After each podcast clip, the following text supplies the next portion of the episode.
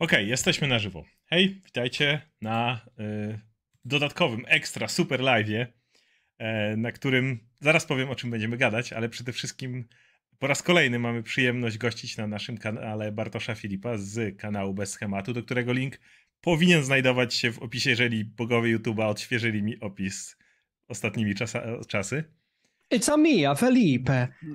Chciałem, żeby to było tak w stylu Mario, ale Do którego teraz przejdziemy. z House of Gucci. A, też.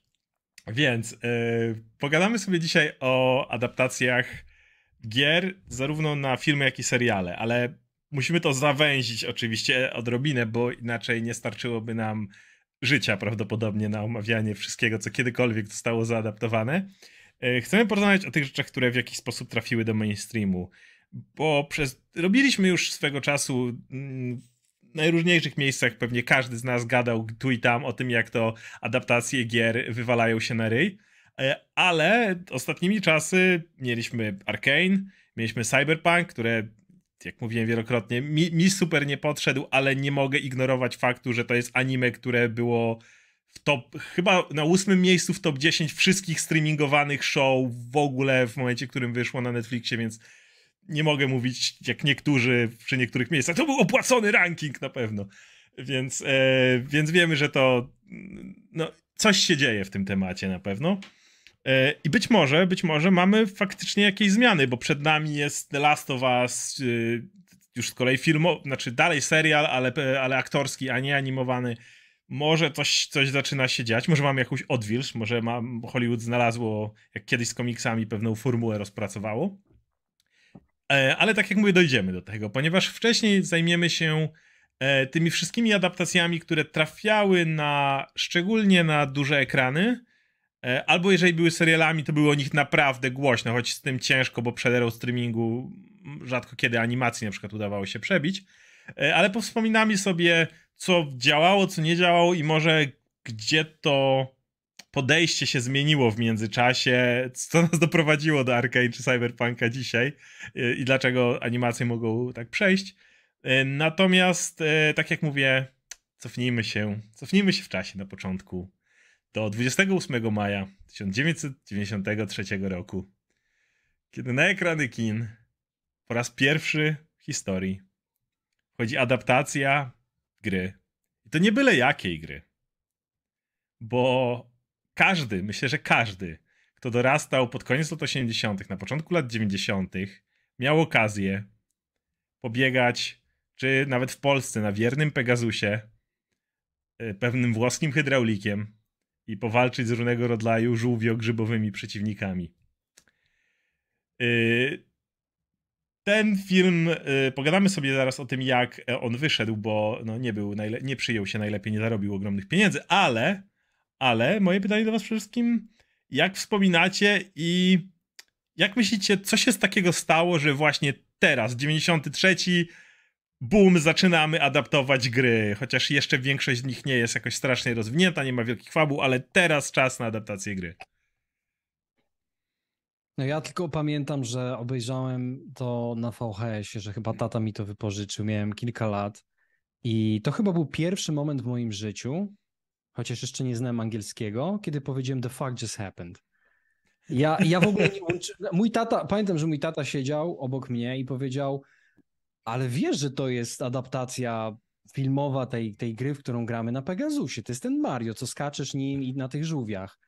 A ja co? I to dla mnie to był, nie wiem, to było na... wtedy dla mnie to, to było takie, wow, to jest poziom Blade Runnera, to jest tato, to jest jak ten Blade Runner, co mi pokazywałeś, zmieszany z alienami. Więc ja tylko tyle pamiętam i tylko tyle mogę powiedzieć. Ja nie myślałem nawet w kategoriach, czy mi się podoba, czy nie. Ja byłem, ja chłonąłem. Ja byłem w zachwycie poziomem absurdu i dziwności, który się tam od, odwalał. Ja, dla mnie Super Mario Bros. to jest jeden z dwóch filmów, który z dzieciaka przerwałem w czasie seansu i nie chciałem do nich wrócić, bo to nie był mój Mario. Mario mi się kojarzy z czymś zupełnie innym. E, ja byłem wielkim fanem Batmana w tamtym czasie i wszystkich filmów, które były w tej konwencji, bo to, kurczę, no to, to był film, który był robiony na tej fali po Batmanowej, nie? To był Mario doprowadzony do tego e, e, takiej dziwnej wersji Grimmy Gritty, jak Żółwie Ninja na przykład, nie? Żółwie Ninja też kreskówka była inna, gdy dostaliśmy film, to przypomina totalnie Batmana i ten Mario też, też w ten sposób był przedstawiony.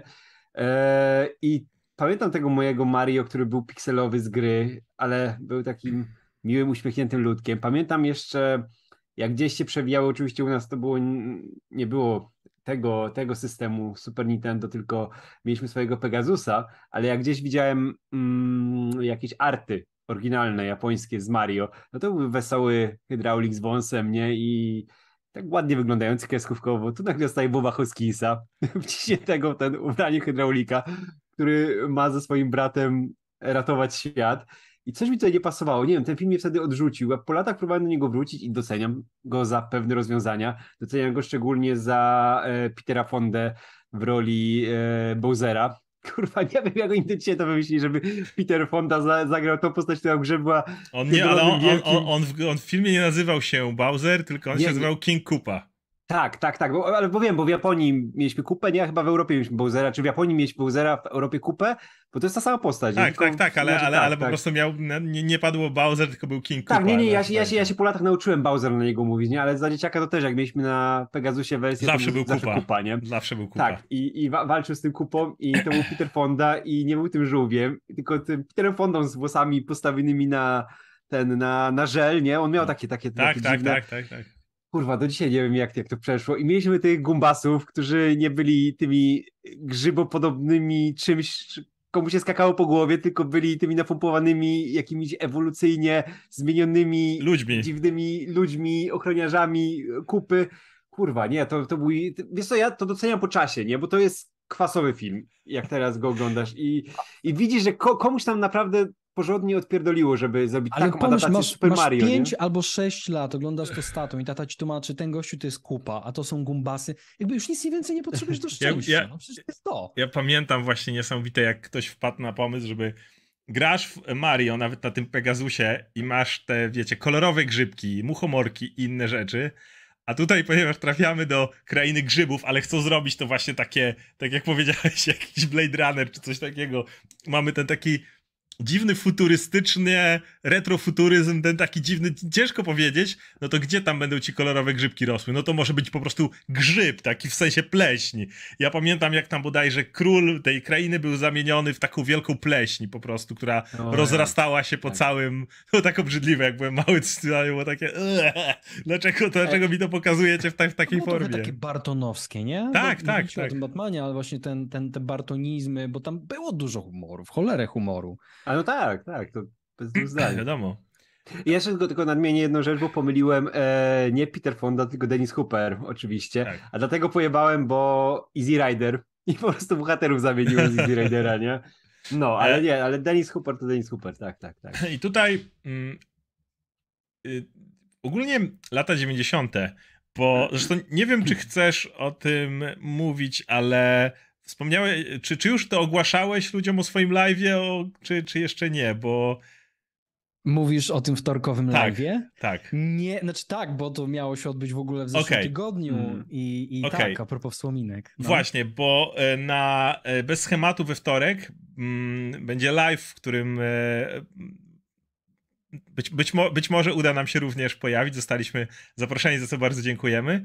Ale rozumiem, że będzie rozmowa o grach, o wczesnych grach. Totalnie. I tutaj chcę delikatnie dosłownie ukruszyć tego tematu, mianowicie odnieść się do konkretnie gier z lat 90., ponieważ e, powstało kilka adaptacji. Nie omówimy wszystkich, pogadamy zaraz o Mortal Kombat, ale, ale mieliśmy, no Double Dragon to akurat przez chwilę był Street Fighter, dwie, i dwie części Mortal Kombat i jeszcze rzutem na taśmę Wing Commander. E, jak pamiętacie, gry z lat 90., czy one bo jak dzisiaj myślimy o wielu grach takich właśnie jak, nie wiem, The Last of Us, Uncharted, God of War, wszystkie gry, one są filmowe w taki sposób, że mają strukturę narracyjną, mają tę mm, tą fabułę opowiedzianą w bardzo wyraźny sposób, tych bohaterów i tak dalej. A jednak w latach 90. już próbowano adaptować gry, których trzeba przyznać, e, te mięcho, do które było w środku, ono nie było za bardzo obszerne. I ogólnie zastanawiam się, ja, ja, jak to się w ogóle złożyło w tamtych czasach? I trzeba przyznać, że um, było dużo swobody, jeśli chodzi o tworzenie tych gier. Mario to jest w ogóle odjechanie dalekie, no ale trzeba przyznać, że nie wiem, przy Street Fighterze też e, powiedzmy, że mm, bardzo daleko odjechano od, e, od oryginału. I tak się zastanawiam trochę, czy, czy to po prostu był motyw taki, w którym wszyscy stwierdzili, ok, dzieciaki kojarzą te marki, więc zróbmy coś z nimi? Czy, czy, czy, czy nie wiem, ja, jak myślicie, czy tam cokolwiek, ktokolwiek miał jakieś wielkie pomysły, czy to było po prostu jechanie na tym, no bo fabuły jakieś, czy nawet za bardzo światotwórstwa, to nie tak, że ich jej tak dużo było w tych, tych latach. Kurczę, jak, jakbyś pozwolił mi już dotknąć samego Mortal Kombat, bo to naprawdę był film, który zmienił mo- O Mortal Kombat życie. chcę pogadać głębiej, bo to jest y, fenomen tamtych Ale lat. wiecie, Mortal Kombat został zrobiony przez człowieka, który zrobił chyba najwięcej adaptacji gier wideo, czyli, Nie. czyli Pola... Drugiego. Drugiego. O, poza Uwe Bolem pewnie. Tak. tak. Cieszę się, że wiem, wiem z kim dzisiaj siedzę.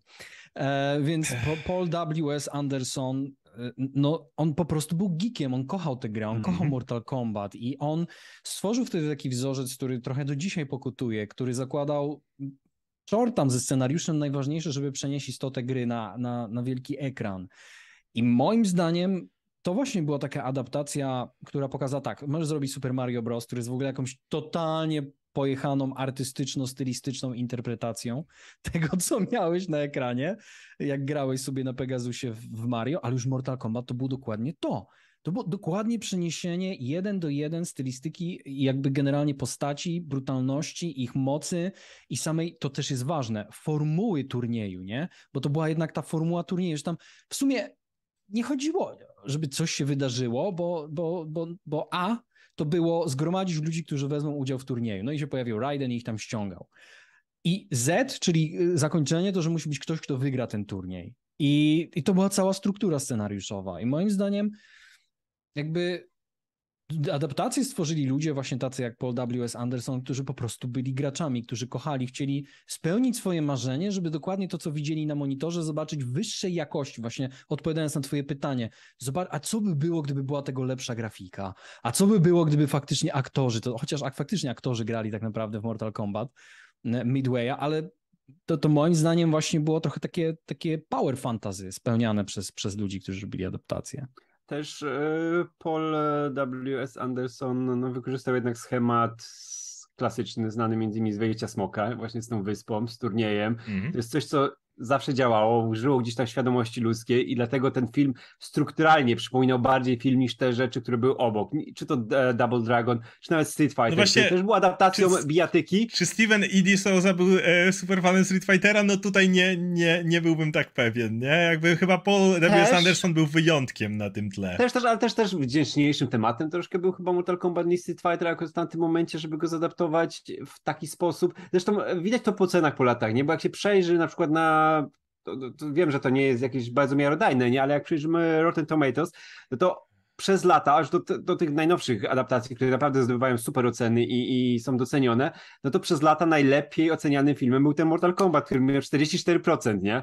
No to Ja, ja myślę, że tutaj jest. e, Tutaj jednak jest sednem właśnie ten, ten motyw z prostotą fabuły i tym turniejem. Mimo wszystko w Street Fighterze w ten przerysowany, e, absurdalny sposób, wiesz, M. Bison tu przejmuje bazę wojskową, specjalny agent tu płynie go roz- rozwalić i tak dalej, po drodze są jakieś inne postacie, które się w to wpakowują, ale prawda jest taka, że zwróćcie uwagę, że Street Fighter to jest film, który gdyby nie to, że trzeba było nawciskać tam masę innych postaci z gry, żeby były postacie z gry, tak naprawdę, jeżeli popatrzycie na te filmy, które wychodziły w latach 90. z klasycznymi mięśniakami, takimi jak Jean-Claude Van Damme właśnie, e, to prawdopodobnie poza e, Jean-Claude'em, jakimś jego partnerem, ewentualnie ładną dziewczyną, bo to były lata 90. Kylie, Kylie Minogue tam zagrała. nie? Właśnie o tym mówię. E, I złym M. Bisonem, i może jakimś jego jednym pomagierem, który byłby tym takim, e, no, jakimś midbossem, którego trzeba rozwalić w tego typu grach, nie byłoby więcej postaci. Nie byłoby tych dziwnego Ryu i Kena w tej wersji, jakiegoś Dobra. Hondy i wszystkich innych postaci, których po drodze tam wpieprzyli po to, żeby one to rozmywały. E, Masa filmów powstała w tym czasie, w tej strukturze i ona jak na lata 90. nawet działała. No miałeś po prostu mięśniaka, który wpadał przy okazji rozwalał bazę i tak dalej, po drodze pokonywał midbossa. Zwykle last boss w takich filmach to był gość w garniturze, jednak jego midboss to był ten od nawalania się i tak dalej. I on go rozklepywał i się film kończył, nie? Ale tutaj mam wrażenie, że przez to, że więc mamy tą strukturę i mam wrażenie, na nią naklejono to ale jeszcze trzeba jak najwięcej postaci z gry nawalić tak, i tak, tak dalej. Wydaje mi się, że właśnie dlatego ma... to się rozlazło. Ale to ma niesamowite przełożenie na to, jak dzisiaj wyglądają inne filmy. Nie wiem, no najłatwiej porównać tego do MCU na przykład, że mamy ten zalew osób, nie? Że patrzcie, to jest ta postać, patrzcie, to jest ta postać, ta się mhm. tutaj pojawia, nie? Mamy teraz She-Hulk i w tym odcinku się pojawia ta postać gościnnie, ta postać, ta postać.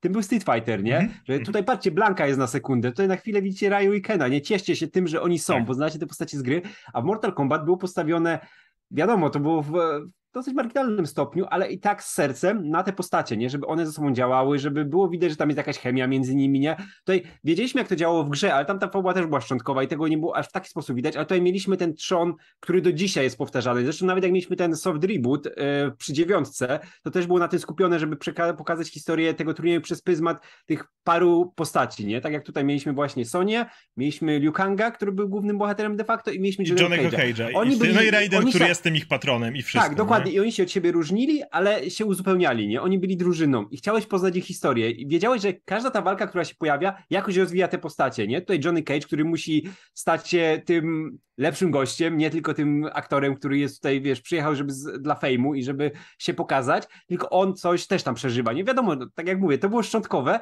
ale to się dobrze oglądało. To nie było takie przypadkowe jak w przypadku, przypadkowe w przypadku Street Fightera, nie? Gdzie tam nic nie działało. Ja nie wiem do dzisiaj, o co chodziło w tej fabule. Wiem, że Bison chciał coś zjebać i wszystkie postacie tam wpadły, nie? Naraz. I był. Jean-Claude Van Damme, bo jego znałem, jego kojarzyłem. Nie? Wtedy nie wiedziałem, kim jest Kylie Minogue, ale wiedziałem, że lubię Jean-Claude'a Van Damme, ale akurat nie w tym filmie, nie? Coś mi nie pasowało, to nie jest mój Jean-Claude, nie? Ten film się sypał i Mortal Kombat dużo lepiej działał. No ja, ja, pamiętam, że jak zobaczyłem właśnie pierwszy raz to nieszczęsne Super Mario Bros., e, to dla mnie to był właśnie zachwyt, bo ja tego w ogóle nie łączyłem z grą. Ja, w mojej głowie to się nie mogło połączyć.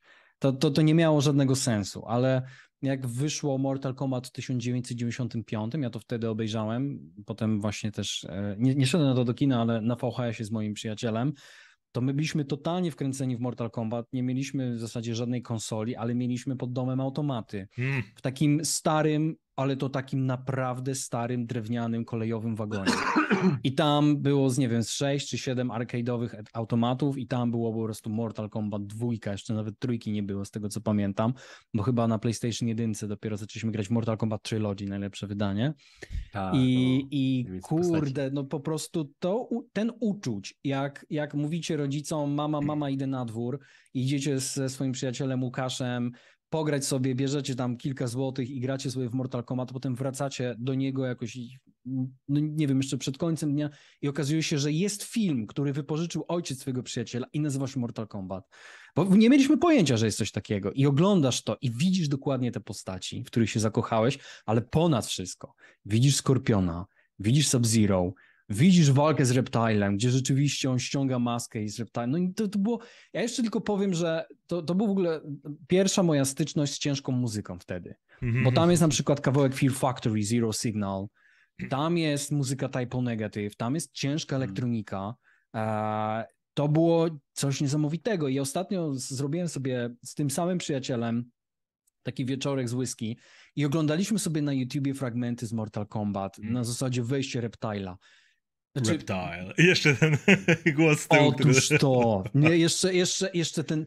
Właśnie to jest robione z sercem. Można mówić, że to jest fanserwis, ale czuć było tutaj serce, jak słyszysz, jak Scorpion mówi come over here. Więcej. I widzisz, że wychodzi mu to, i to tak totalnie, totalnie fatalne te efekty. Dzisiaj jak się ogląda, to jest cringe, taki no naprawdę ostry cringe, ale w ogóle ta scenografia która czerpała z tych, z tych przecież e, poziomów, na których się walczyło w Mortal Kombat. Tak, tak. ewidentnie. tak. No. Wierność, e, kos, oddanie właśnie kostiumów, istoty tych postaci, ich odzywek, nawet trochę fatalities, chociaż ta gra, e, ten film nie był jakoś specjalnie Nie był brutalny, brutalny tak bardzo, no.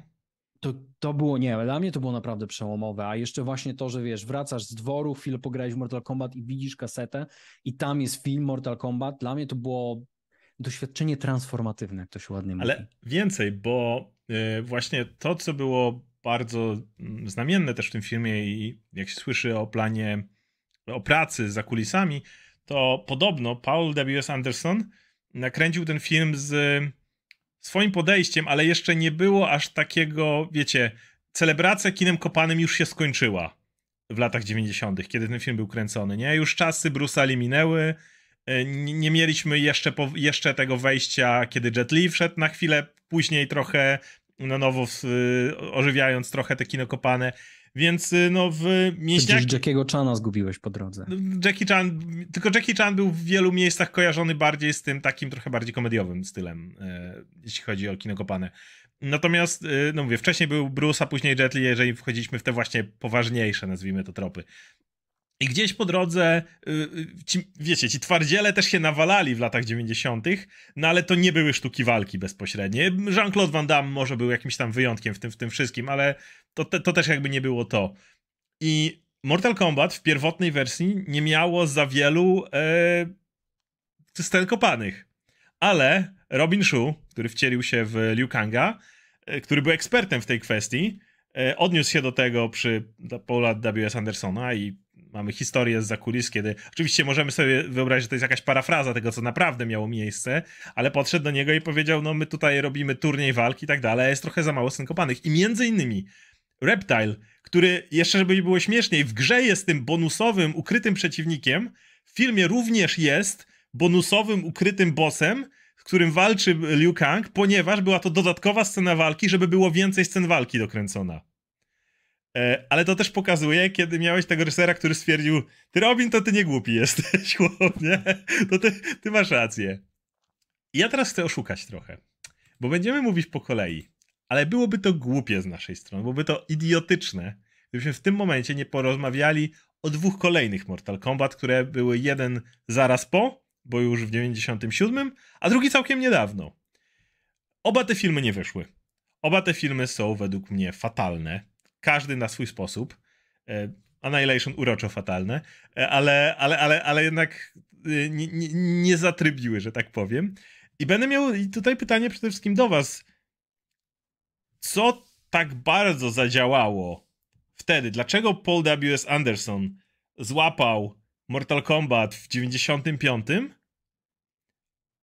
a jego następcy już ani w Anihilacji, ani w tym ostatnim Mortal Kombat, bo po drodze było różno tych fanowskich, pomniejszych, powiększych, ale umówmy się, jeżeli mówimy, był animowany i tak dalej, ale, ale mówimy o tych, które miały wejść do mainstreamu, które jakby miały wbić, to co spowodowało, że te filmy kompletnie nie wypaliły? Szczególnie, że mieliśmy może już w 97 nie aż tak bardzo, ale wiecie, mieliśmy lepsze możliwości, lepszą technologię, lepsze zrozumienie kina, mm, choreografia, która po drodze, szczególnie ten późniejszy, kiedy wystrzeliła, jak mieliśmy The Raid czy inne filmy tego typu, to dlaczego wtedy się udało, a później już nie? Jeżeli mogę zacząć, mhm. to bo, bo, moim zdaniem ta formuła może wyjść tylko raz. I, I, to był moment, w którym byliśmy głodni czegoś takiego. I zauważcie, że żaden inny film z serii Mortal Kombat, także po reboocie, nie miał tej formuły, o ile się nie mylę, nie miał tak odwzorowanej tej formuły turnieju. Tylko próbowano to jakoś udziwniać, budować tam jakąś fabułę. Nie da się tutaj zbudować fabuły. To zawsze będzie, to zawsze będzie zbiór scen. E, to zawsze będzie podchodzenie pod jakiś taki fan service, że o, zobaczcie, tu jest Jax i teraz zobaczcie, co zrobi Jax, jeżeli pamiętacie to Fatality. I no w ogóle uważam za karkołomne próby ekranizowania gier, które są bijatykami, bo tam światotwórczo jest w sumie ubogo. Jest się niewolnikiem fanów i ich oczekiwań i że spodziewa się, że o, o, czekaj, ciekawe, czy będzie scena, w której zrobi fatality, albo nie wiem, czy zrobi swój charakterystyczny gest, kiedy zaczyna albo wygrywa walkę. Opisałeś no nowe Mortal Kombat. O, tak, dokładnie, dokładnie. No, dokładnie. No, no, no, to jest po prostu niewdzięczny materiał do adaptacji. I na, nawet nie ma za bardzo fundamentów, na których można by budować. Pewnie można by powiedzieć, League of Legends jest e, materiałem niewdzięcznym do adaptacji, ale to nieprawda, bo, bo jakby ilość, czy nawet głębokość tego świata i tych postaci, tego backgroundu i pracy, którą wykonano wcześniej, sprawia, że można z tej mąki coś ulepić. A moim zdaniem z takich filmów jak Mortal Kombat e, czy, czy Street Fighter, nie. Ja się z tym nie zgodzę, ale Radek najpierw. E, w ogóle ten Annihilation to był powrót do tego, co było w Street Fighterze, że tam było znowu nasranie postaci, nie było żadnej fabuły, tylko ej, wrzucimy wszystkich naraz, ludzie się będą cieszyć, mamy mniejszy budżet, to nadrobimy tym. Nie da się na tym budować filmu zupełnie. Szczególnie, że zmienili też reżysera i co, czego by nie mówić o Paulu Andersonie, W.S. Andersonie, to on ma jakieś wyczucie filmowe. No, Event Horizon do dzisiaj jest jednym z mhm. najlepszych horrorów, jakie w życiu widziałem, szczególnie tych kosmicznych. I na tym polu wygrywa zupełnie fantastyczne kino. E, tutaj dostaliśmy Johna Leonettiego, który jest znakomitym zdjęciowcem, z Jamesem Wanem, kupa dobrych filmów, ma oko, ale w tamtych czasach, gdy robił tego Mortal Kombat, nie mógł sobie na nic pozwolić ciekawego, nie? To było po prostu, ej, taki masz materiał z gry, nawpierdalaj te postacie, mają tutaj się pobić i na końcu się smoki napierdalają i to będzie cały film. Tam nie było żadnej fabuły, nie? I szczególnie widać to w połączeniu z jedynką, nie? Gdzie w jedynce była jakaś historia opowiedziana, postacie przeszły jakąś drogę, do czegoś to prowadziło, w dwójce ni do niczego nie prowadziła ta fabuła, te postacie były przypadkowe, wszystko było przypadkowe i kurczę, najgorzej, że dokładnie po latach dostaliśmy to samo w tym nowym Mortal Kombat, gdzie też jest całkowita przypadkowość, mamy postacie, Naciupciane które... ich jest tyle, widzisz, tak, że... Tak, tak, zobacz sobie, kochasz je, lubisz, patrz jak robią te ataki, które znasz z gry, nie? Tutaj robisz sobie fatality, tutaj coś i były, i tu jest najgorzej, z tym filmem jest jeszcze gorzej niż z Inhilacją, bo ją się spoko ogląda w kluczu tej bykowości, nie? Przy piwie ze znajomymi. Anihilacja jest doskonała do tego. Jest doskonała, jest, jest zabawna, chociaż nie powinna być i nikt tego nie planował, a ten nowy film ma rzeczy, które są fajne, które można było pociągnąć, nie? Ten konflikt Sub-Zero ze Skorpionem, nie? Dostajesz, kurczę, tego Sanadę, który Na gra początku filmu i na końcu. Nie wykorzystujesz go zupełnie, nie? Masz dwie sceny z nim, bo, bo tak, bo musi być, nie? A w środku dodajesz tego nowego bohatera, na którego nie masz zupełnie pomysłu, na którego nie masz pomysłu i to się sypie fatalnie, nie? I ja jestem zażenowany tym, jak wyglądał ten Mortal Kombat. A z Mortal Kombat da, da się zrobić naprawdę dobrą rzecz, co widzimy po grach, nie? Przy, Właśnie... po, po dziesiątce, po jedenastce, gdzie nawet historia, na przykład te wiesz, pojedyncze rzeczy, jak zwrócimy uwagę, historia Johnego Cage'a, jak on się rozwinął, jak został ojcem, ma córkę, Piękne. musi sobie radzić ze swoimi problemami i nawet mamy taki głupi wątek, jak e, spotkanie swojej wersji młodszej, nie? Bo są zakrzywienia czasoprzestrzenne, nie? I na tym jest budowana piękna, emocjonalna fabuła. To może mhm. inaczej, to ja bym skoryguję swoją odpowiedź. Okej, okay, bo chciałem się do niej odnieść, ale, ale proszę. ale to bardzo proszę, to, to wciąż możesz, ale my dzisiaj na pewno będziemy mówili o tym, co jest charakterystyczne dla tych ostatnich adaptacji, które się udają. Ja bym powiedział, Mortal Kombat jako, se jako serial, nie jako film. Jakbyśmy naprawdę dali oddychać tym mhm. wszystkim hmm? postaciom i dali im jakiś background razem z retrospekcjami, to, to wtedy spoko. To, to może być udany eksperyment. To, to, co mówisz, jest prawdą i przejdziemy do tego. E, tym bardziej, że ja, ja, widzę tak. Po pierwsze, zgodzę się z tym, o czym e, było mówione na początku, czyli że pierwsze Mortal Kombat jest o tyle fantastyczne, bo to jest. Bierzemy cztery postacie, e, właściwie trzy, bo Raiden nie ma swojego wątku, bo jest mentorem, więc tak naprawdę mamy trzy postacie, każda ma swój wątek. Sonia ma dorwać Keino i ma się opanować niejako w pewien sposób, ma ten gniew swój, że, że jest hot-headed. Johnny Cage, który musi uwierzyć w siebie, że jest kimś więcej niż tylko aktorem, który tylko potrafi dobrze walczyć na filmach. No i Liu Kang, który, ma ten mo motyw z byciem wybrańcem, ale standardowy motyw niechętnego wybrańca, nie działa. Wrzucamy ich na turniej i nic więcej nie robimy. Nie, tam nie ma nic, nic więcej, ale skupiamy się na walkach. Mają, mają sobie powalczyć po drodze. To jest, tak jak mówisz, fantastyczna fabuła na film jeżeli trzymamy to w filmie, jest super. I nowy film być może też by się udał w ten sposób. Dwójka, tak jak mówiłeś, Radek, jest wszystko nawalone, tak jak w Street Fighterze. Natomiast wydaje mi się, że dzisiaj sprawy się trochę zmieniły i dlatego inaczej patrzę na ten ostatni film Mortal Kombat niż na Annihilation. Po pierwsze, tak, zakładnik fanów to jest dobre słowo, bo stało się to. Dzisiaj jest to dużo poważniejsze niż kiedyś. W latach 90. myślę, że aż tak dużo ludzi, ludzie nie przypieprzyli się do Annihilation, bo było niezgodne z jakimś lore Mortal Kombat czy coś takiego, tylko było fatalnie napisanym filmem z beznadziejnymi walkami. Dzisiaj jest dużo większy wymóg i fani cię szybciej zjedzą, jeżeli zmienisz pewne rzeczy. No i mało tego, mam wrażenie, że tak ludzie, e, ale to jest tak wybiórcze, bo masa ludzi zachwycała się, że to byliśmy tego świadkami, kiedy zjechaliśmy ten film, jak wiele ludzi mówiło nam, że jak możemy jechać po tym filmie, przecież były fatality jedna za drugim, a z Radkiem mieliśmy argument, ale w tym filmie nie ma walk. Poza, nie wiem, dwoma, trzema, tam tak, generalnie każda wygląda, każda, każda walka, walka zaczynała się od fatality. Tak, ktoś podskakiwał i zabijał drugą osobę i to była cała walka.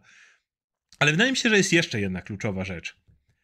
Yy, mamy dzisiaj znacznie większe wymagania od choreografii w kinie po tym, co na przykład pokazał nam The Raid. Mamy, czy, czy nawet seria John Wick. Mamy zupełnie inne podejście do tego. I, umówmy się, jeżeli patrzymy na, to, na te walki w latach 90. Mortal Kombat, to patrzymy na nie przez pryzmat innych filmów, które powstawały w tej epoce i one wyglądają fajnie. Natomiast zobaczyliśmy, co dzisiaj można zrobić w przypadku kina kopanego. Y, I wydaje mi się, że oczekiwania dzisiaj po takim filmie byłyby właśnie takie, ale serial byłby dobrym pomysłem. Był taki serial Into the Badlands, które w pewnym momencie nie zmęczył i przestałem go oglądać, ale ja pamiętam, jak pierwszy sezon zobaczyłem do dzisiaj.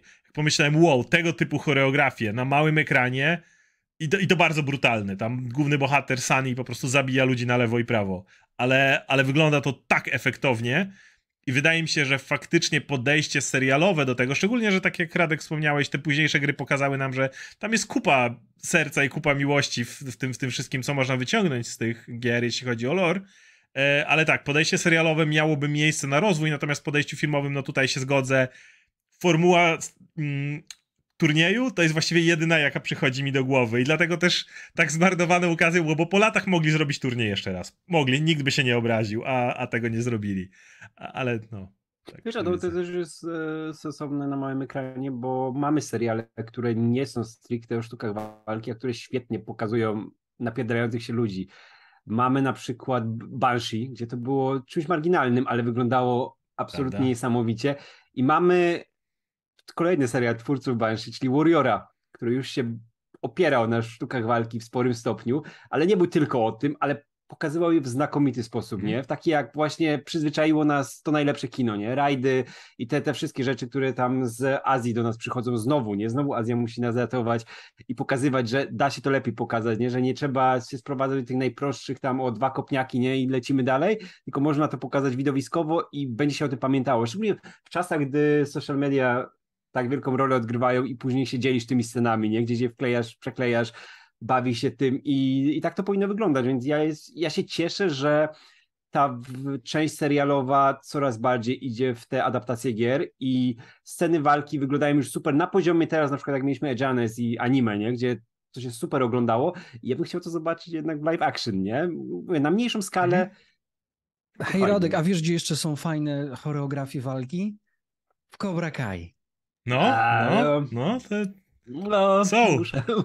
Muszę, Nie, muszę, i, i trzeba przyznać, że im w późniejszym sezonie, jak w pierwszym sezonie widziałeś, to to było jeszcze takie, e, ale już na przykład w czwartym, jak widzisz ten turniej końcowy, kurde. Ale to też jest ciekawe, bo wręcz, wręcz to jest nawet wdzięcz, wdzięczniejszy materiał na serial, właśnie dlatego, co Cobra Kai świetnie pokazuje, bo choreografia jest znacznie tańsza niż CGI, które jak wiemy teraz jest ten kryzys efektów specjalnych, zapieprzone są te, te studia robotą i tak dalej, natomiast do, dobra choreografia jest tańsza. Cobra Kai jest naprawdę tanim serialem na tle wszystkich innych tych, które wychodzą e, i wydaje mi się, że taki Mortal Kombat jasne, tak długo jak nie musiałbyś, e, musiałbyś przymknąć oko na Goro i inne tam stwory, które są, ale to jest, to jest margines.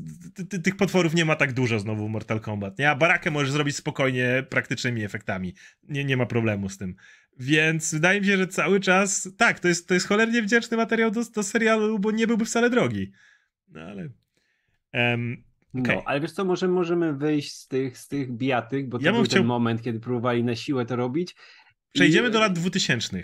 Tak, tak, bo nie, Wing Commandera nie pamiętam nie, nie, zupełnie. Nie, Wing Commandera pamiętam. Grę, grę pamiętam totalnie jak przez mgłę i, i zupełnie nie mam nic do powiedzenia, ale to, co się działo od Właśnie... 2001 roku i tutaj, gdy naprawdę wielką markę zaadaptowali na film. Z, zanim pierwszą... pogadamy o, te, o jednej czy drugiej marce, ja nie wiem, czy wy też tak pamiętacie, ale lata 2000. Nie bez powodu jest ten mem, e, jeżeli to powstało w 2007 bo mam wrażenie, że lata 2000 pod względem pewnych prawidłowości, chociaż może możemy to powiedzieć po czasie o każdej dekadzie, nie? Bo lata 90. też dzisiaj też możemy popatrzeć na pewne prawidłowości, które nimi rządziły. Pewnie jak, jak oddalimy się bardziej od 2010 do 2020, no to będziemy patrzeć na MCU przede wszystkim, no ale whatever. Ale jeżeli popatrzycie na filmy, które wtedy wychodziły, one są, mają, mam wrażenie, jakby były ulepione z bardzo podobnej gliny. Nie mówię tylko o adaptacjach gier. Jak właśnie myślę o adaptacjach filmów superbohaterskich, wszystkie te Ghost Ridery, fantastyczne czwórki, e, Daredevile, e, to mi tak przypomina właśnie to, co mamy tutaj z Tomb Raiderem, z Resident Evilami. Tam po drodze przecież Underworld wyszedł jeszcze, te, te, też. Może jakby to, to wszystko była taka, to prawie, że byłoby, wiecie, 2000 ten, uniwersum, nie? Y, które, gdzie te postacie praktycznie mogłyby się spotykać, nie byłoby to zbyt dziwne.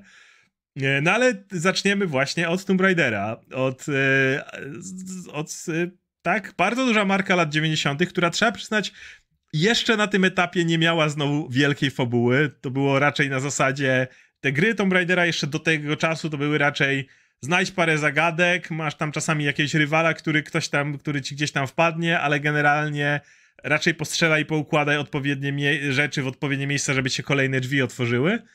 E, no ale postanowiono, mamy, mamy, mamy gwiazdę, mamy Angelinę Jolie, która jest tutaj wschodzącą gwiazdą. Zrobimy na tym kasę. No i trzeba przyznać, na pierwszym zrobili przynajmniej. Tu powiedziałeś, poukładać jakieś tam zagadki, trochę postrzelać, poskakać przede no, wszystkim. No poskakać, Tom, oczywiście. Tom Raider to było skakanie w nieskończoność i, i, strzelanie do tyranozaura, no błagam tak, cię. No, no oczywiście. To było, ja, ja uważam, że na, na, pełnej pycie trzeba było zrobić już tego Tomb Raidera, że rzeczywiście byłaby scena, w której jakby ja chciałbym, żeby przenieść filozofię, którą zastosowano do filmu Super Mario Bros. do Tomb Raidera. I te, te, ta hydra to... na przykład, czy dinozaur właśnie, nie? Tak, nie, to, to, był, to był właśnie kiedy mówiłeś o, o tych czasach mm, związanych z tam właśnie te 2000-2007 powiedzmy, to generalnie wszystkie te filmy superbohaterskie i growe stały na, na, na, na gwiazdach, na ile to było możliwe. Mm. I, I, dla mnie Tomb Raider no to był po prostu film Angeliny Jolie, tak? Gdzie ona grała pierwsze skrzypce. Powiem, że gdzieś tam Daniel Craig się nawet pojawiał, z tego co pamiętam. Hmm. Ale to było takie. No, takie. No, nie. Daniel Craig nie był wtedy jeszcze taką gwiazdą. No nie, nie był taką gwiazdą, to prawda. Ale, A ja, ale... Tylko, ja, ja, tylko poprawię, że Angelina Jolie już nie była wschodzącą gwiazdą, ona była po Oscarze. No, za to przerwaną lekcję muzyki, prawda. więc ona już była. Tak. Dlatego ją zatrudnili, nie? Bo to była, była, ta, była wschodzącą gwiazdą akcji, bo wcześniej była w tym filmie 60 sekund jeszcze nie i 60 sekund, dobrze mówię, tak się nazywa ten film samochodowy? Tak, tak, z tak, Nicolasem Cage'em. Z Nicolasem Cage'em, właśnie. Wcześniej w hakerach była, ona już od tak. paru lat była, wiesz, no. rozpoznawalną twarzą.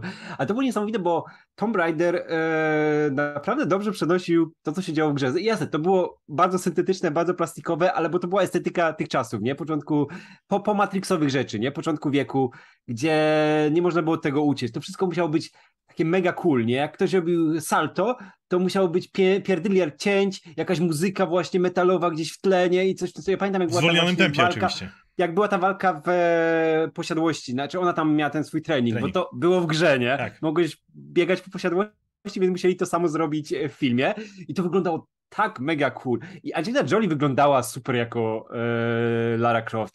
No ona, ona była jak wyciągnięta z komputera, nie? Wiesz, wszystko, e, Trochę mało... ciała, ten design postaci, wiesz, e, mhm. ubranie, wszystko wyglądała super, ale do dzisiaj nie pamiętam nic z tego filmu, co tam się działo, nie? I to, to jest e, smutne. W dwójce bo... były jakieś kamienne potwory, to pamiętam. Tak, tak, tak, były, ale wiesz co, ale wiesz co jest niesamowite, że to są filmy, które się powinno pamiętać mocno, nie? Takie kino przygodowe. Mm. No kurczę, każdego Indiana Jonesa znasz na pamięć, nie? Wiesz, co się dokładnie działo, wiesz, o czym była fabuła, wiesz, co musiał Indy przeżywać.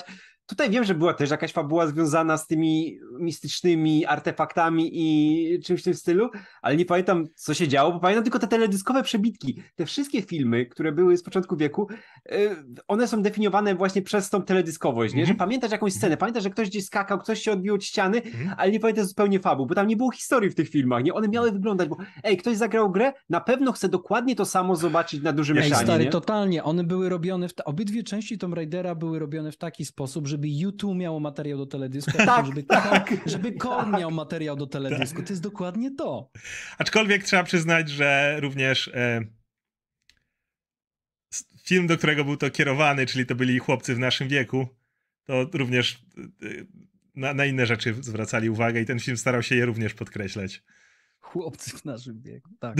No, no tak. Więc e, no, to wtedy miało się te lat naście początkowe, nie? Więc tak, tak. E, w każdym razie, to ja się odniosę, z, znowu oszukując, Cradle of Life niewiele się różniło. Tam dodali więcej więcej tego, co było w jedynce, ale generalnie po prostu powtórzyli to, co było. Tak, tak. I w, i w dwójce był e, ten, mm, e, Gerald Butler. To był pierwszy Tak. film, w którym go widziałem. Tak, on zastąpił e, To- Daniela Craiga jako tego przydupasa męskiego. To znowu, skoro mamy okazję, to skoczmy do bardziej współczesnego Tomb Raidera z Alicia Vikander. I tak jak w Mortal Kombat, mam wrażenie, że zrobili coś kompletnie przeciwnego. Yy, to znaczy, już nie było turnieju i tak dalej.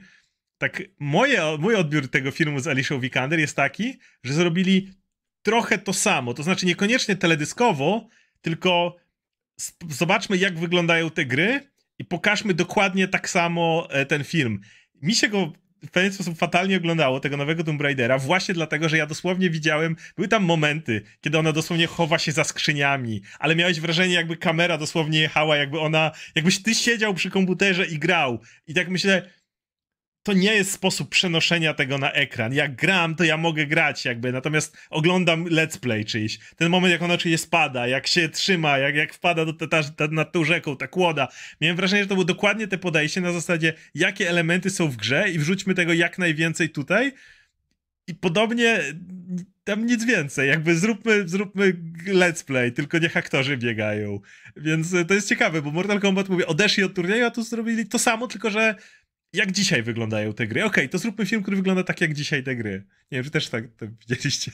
Nie, no absolutnie. Znaczy Alicia Vikander była tak stylizowana na tą nową Larę Croft i tą nową trylogię, to jest naprawdę bardzo dobra. Tak, tak, absolutnie. A, że aż dziwię się, że nie wzięli tej e, Kamila Ludlum, nie pamiętam jak ona, E, Aktorki, w, tak. Tak. dlaczego jej nie mogli wziąć? Bo Przecież nie, to ma, już nie było Star Power. więcej sens. No ja rozumiem, no ale to ja, ja nie widziałem tam Money Power w tym filmie. Star Power było, ale Money Power Mhm. nie widziałem za bardzo. Ale jednak dużo ugrałeś w tym momencie, nie? Kiedy Alicia Vikander była po tych wszystkich nominacjach Tak, Oscarowych, tak, po na, była- sezonach nagród. Miała to był moment. tak gorące nazwisko, no, że musieli się go trzymać. No i ona, ona jest, kurczę, dobrą aktorką i ona pasowała do tej roli Rally Croft, nie? Ale ja jako- myślę, że mogłaby być świetną Larą Croft, tylko Albo, bo to jest lepszy, dla mnie to jest lepszy Tomb Raider niż, No nie, no, tak, te za- oczywiście. zdecydowanie. Natomiast Wiesz to co, ja, jest ja, jestem, ja, jestem, ja jestem największym fanem tego filmu. Ja byłem trzy razy w kinie. Bo w ogóle. Ja- ja pie- pie- wiem. tak, tak, bo ja pierwszy, wiem. pierwszy raz byłem, bo była, była w ogóle reklama jakiejś nowej technologii i mnie wysłali. czy ty oglądałeś go dwa razy jednego dnia? Tak, tak, tak, bo wtedy najpierw musiałem iść na tą, na tą nową technologię, później poleciałem z Ulą, żeby jej pokazać, bo mi się, ja się naprawdę, mi się to naprawdę spodobało, szczególnie że byłem między grami wtedy, nie? Który, którym byłem zafascynowany, bo to- ja, ja uwielbiam te gry przygodowe właśnie w tym stylu Tomb Raidera i Mhm. było super. Poleciałem drugi raz, później po paru dniach poleciałem trzeci raz, kupiłem ten film na Blu-rayu, obejrzałem czwarty raz. To jest do dzisiaj chyba z ostatniej dekady film, który najwięcej razy widziałem. to jest bardzo dziwne. A nie uważam, że on jest jakiś super, bo tak jak mówi, mówiłeś, Oskar, on jest dokładnie powtórzeniem scen z gry, nie? Co wydaje się twórcom, że ej, widzowie, tak jak mówiłem wcześniej, Widzowie tego chcą to chcą przecież, zobaczyć, tak? nie? Ale nie masz tego połączenia emocjonalnego, nie? Że ty przeżywasz tą grę. To jest na przykład coś, czego ja się boję w The Last of Us ekranizacji, że już widzieliśmy po trailerze, że jest dużo scen, które są żywcem wyjęte z gry Mhm. i boję się tego, że właśnie to będzie powtórzenie tych scen, które ja już widziałem, dobrze znam, znam tą fabułę, nie? I one nie działają w taki sposób, jak je po prostu pokażesz, bo to jest jak let's playe, nie? Czasami sobie chcesz obejrzeć let's play, Ideą tego fajnie, jest, że ty grasz jakby gry, tak? ale- To I wiesz, le, let's playe to jeszcze masz jakiś komentarz kogoś, kto Mhm. ci opowiada, jak tą grę gra i to, to i też inaczej działa, ale jak po prostu to oglądasz na żywca i nie masz na to wpływu, to aż czujesz frustrację. Ja tak mam na przykład, że kurwa, jak oglądałem tego Tomb Raidera, to miałem, że ona Kucnij, sobie się kucnij! rzuca i tak, Nie chcę. musisz wcisnąć, żeby ten czekan wbić, nie? I No. ja mówię, kurwa, wbiłem czy nie, bo nie, nie mam pada w rękach, nie? I nagle widzę, dobra, uratowała się, to jest film. I to, to jest bardzo denerwujące, bo z tego filmu można dużo więcej wyciągnąć fajnych rzeczy. Ja na przykład uwielbiam te e, momenty na początku, jak ona jest jeszcze pokazana e, W Londynie jeszcze. przy, tak, w Londynie, jak tam działa, jak ta scena na rowerze, gdzie jest fajna muzyka, wszystko się rozgrywa, ale jak już trafiamy na wyspę, dostajemy dokładnie grę. Bieganie za tymi skrzynkami, tak jak mówiłeś, nie? Wchodzenie po tych gzymsach. Wszystko. Wiesz, to, to samo było w e, Uncharted ostatnio. To samo, że też, Tak. ej, pamiętacie sceny z gry, jak jest ten samolot i on tam wchodzi po I wisi tych, po ten- tych rzeczach, tak. Zróbmy to samo, nie? I powtórzmy. To nie działa. Tutaj myślę o tym przede wszystkim, że w grze oczywiście jedna rzecz to jest ten model, gdzie jest interakcją, gdzie ja kieruję tą postacią i to mi daje tą rzecz, a w filmie tego nie ma, ale jest jeszcze druga rzecz, o której myślę przy tym. Gry mają ten jednak inny sposób opowiadania historii, gdzie możesz do czegoś wrócić. Szczególnie w Tomb Raiderach przecież znajdowało się całą masę dzienników, zapisków. W pierwszym e, Tomb Raiderze prawie całą historię tej królowej, która była tam opan duchem potem, z którym się walczyło, dostawało się z dzienników tak na dobrą sprawę. Chociaż i w drugim Tomb Raiderze historię tego proroka, czy tam jak tego, cały, cały ten motyw, gdzieś na ścianach jakieś malowidła, które Lara interpretowała, mówiła to i wiecie, my sobie możemy w tym czasie biec i skakać, a w tle leci nagranie, kiedy ona sobie czegoś słucha i, i mówi i opowiada i to się dzieje jednocześnie.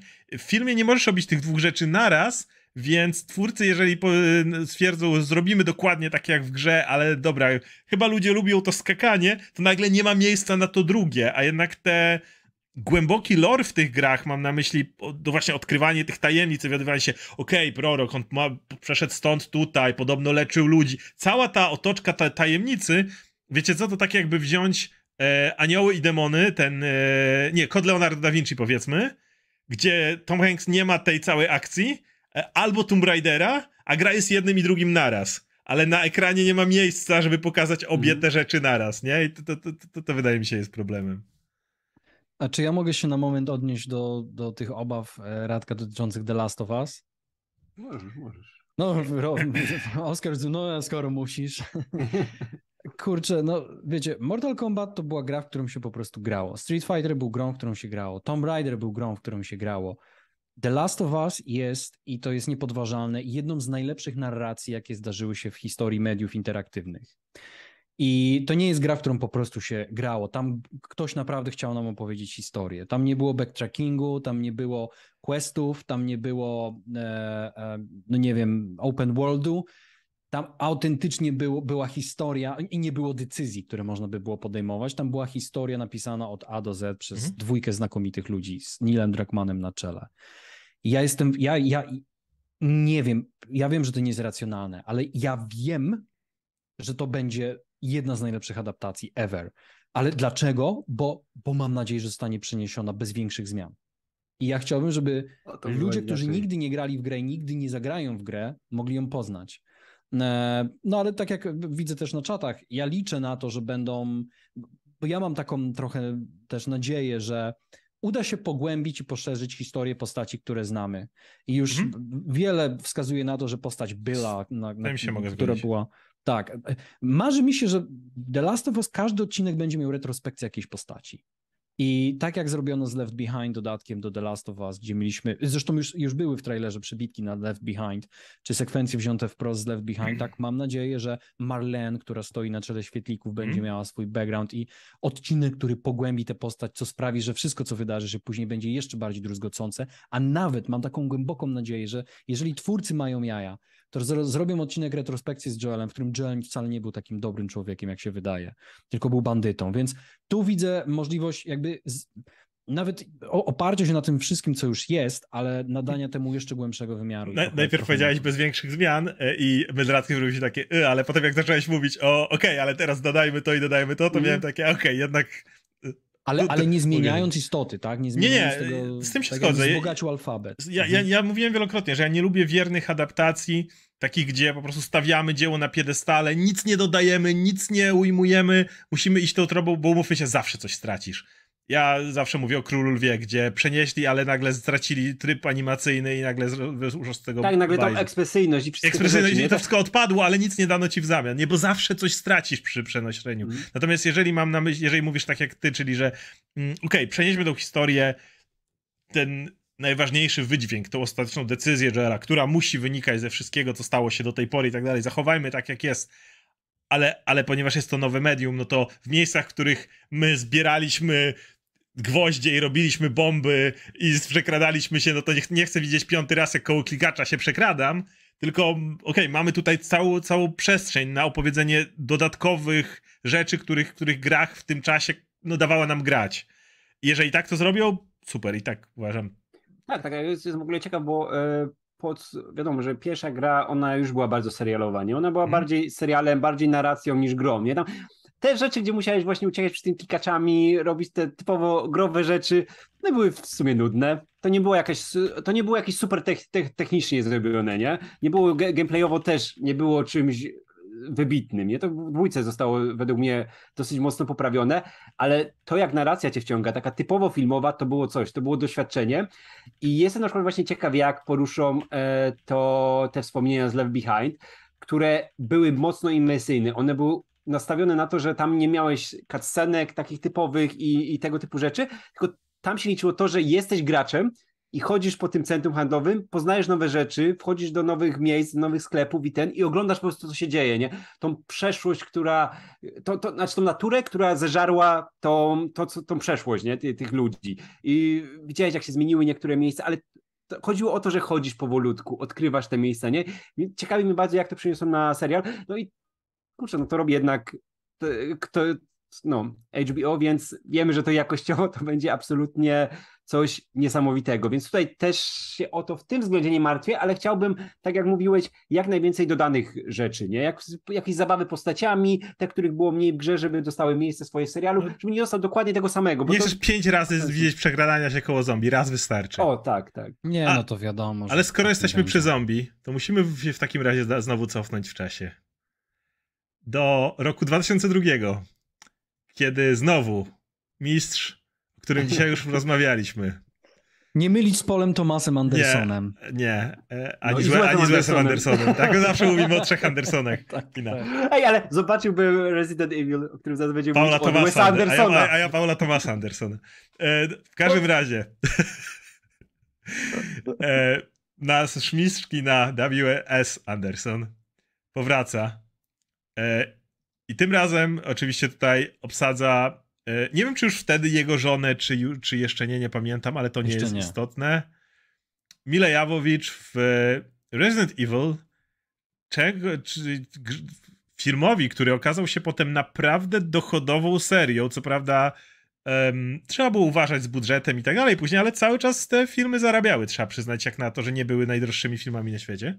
Ale tutaj, tutaj startuje i tak po czasie ja do tej pory mam spory sentyment do tego filmu.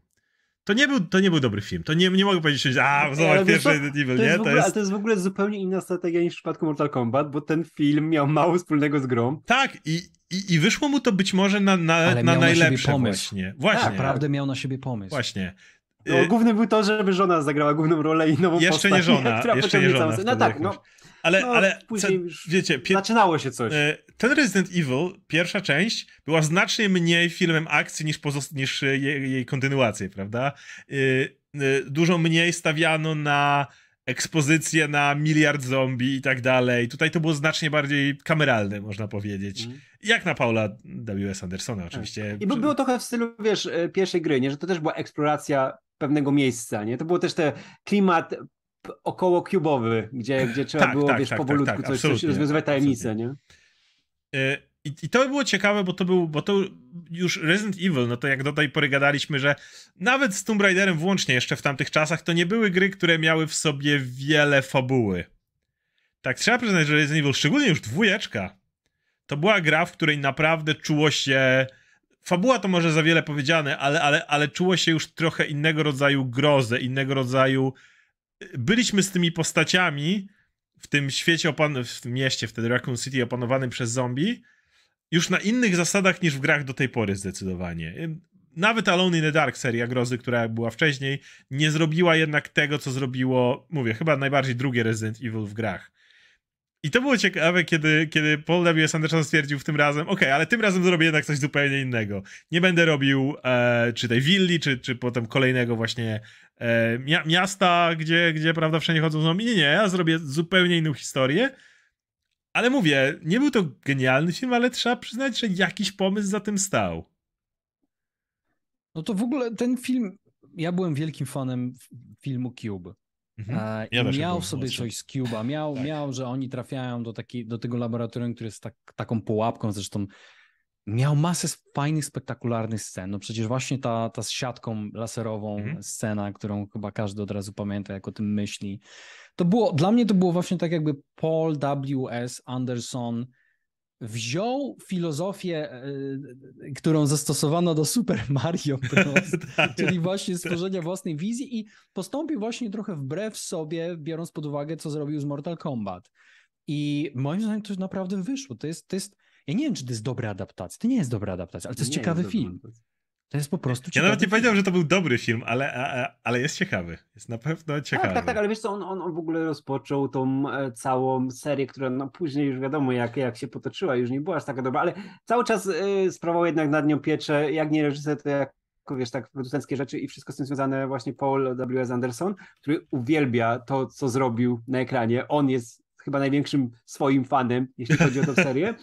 E, I to jest niesamowite, że on to poprowadził zupełnie oddzielnie od gry, nie? Tam już były postacie, które się pojawiają z gry, ale w zupełnie innych kontekstach, nie? Jak wprowadzał e, czy to Leona, czy resztę, to były postacie, które były mu potrzebne w tej fabule, nie? Tak. I on chciał opowiedzieć jakąś historię. Ja to bardzo cenię, bo to mogło być później rozpitraszone na maksa, nie? Ja już się pogubiłem w tym momencie, już nie wiedziałem w ogóle o co chodzi. Wiedziałem, że jest Alice, bo Mila Jowowicz tam tak. była na pierwszym planie i on coraz bardziej ją wystawiał, że to, to są jej filmy, nie? To jest jej historia, oglądajmy to. To jest zresztą postać, której nie było w grach, nie? To jest postać stworzona na potrzeby filmu e, i to jest jej opowieść.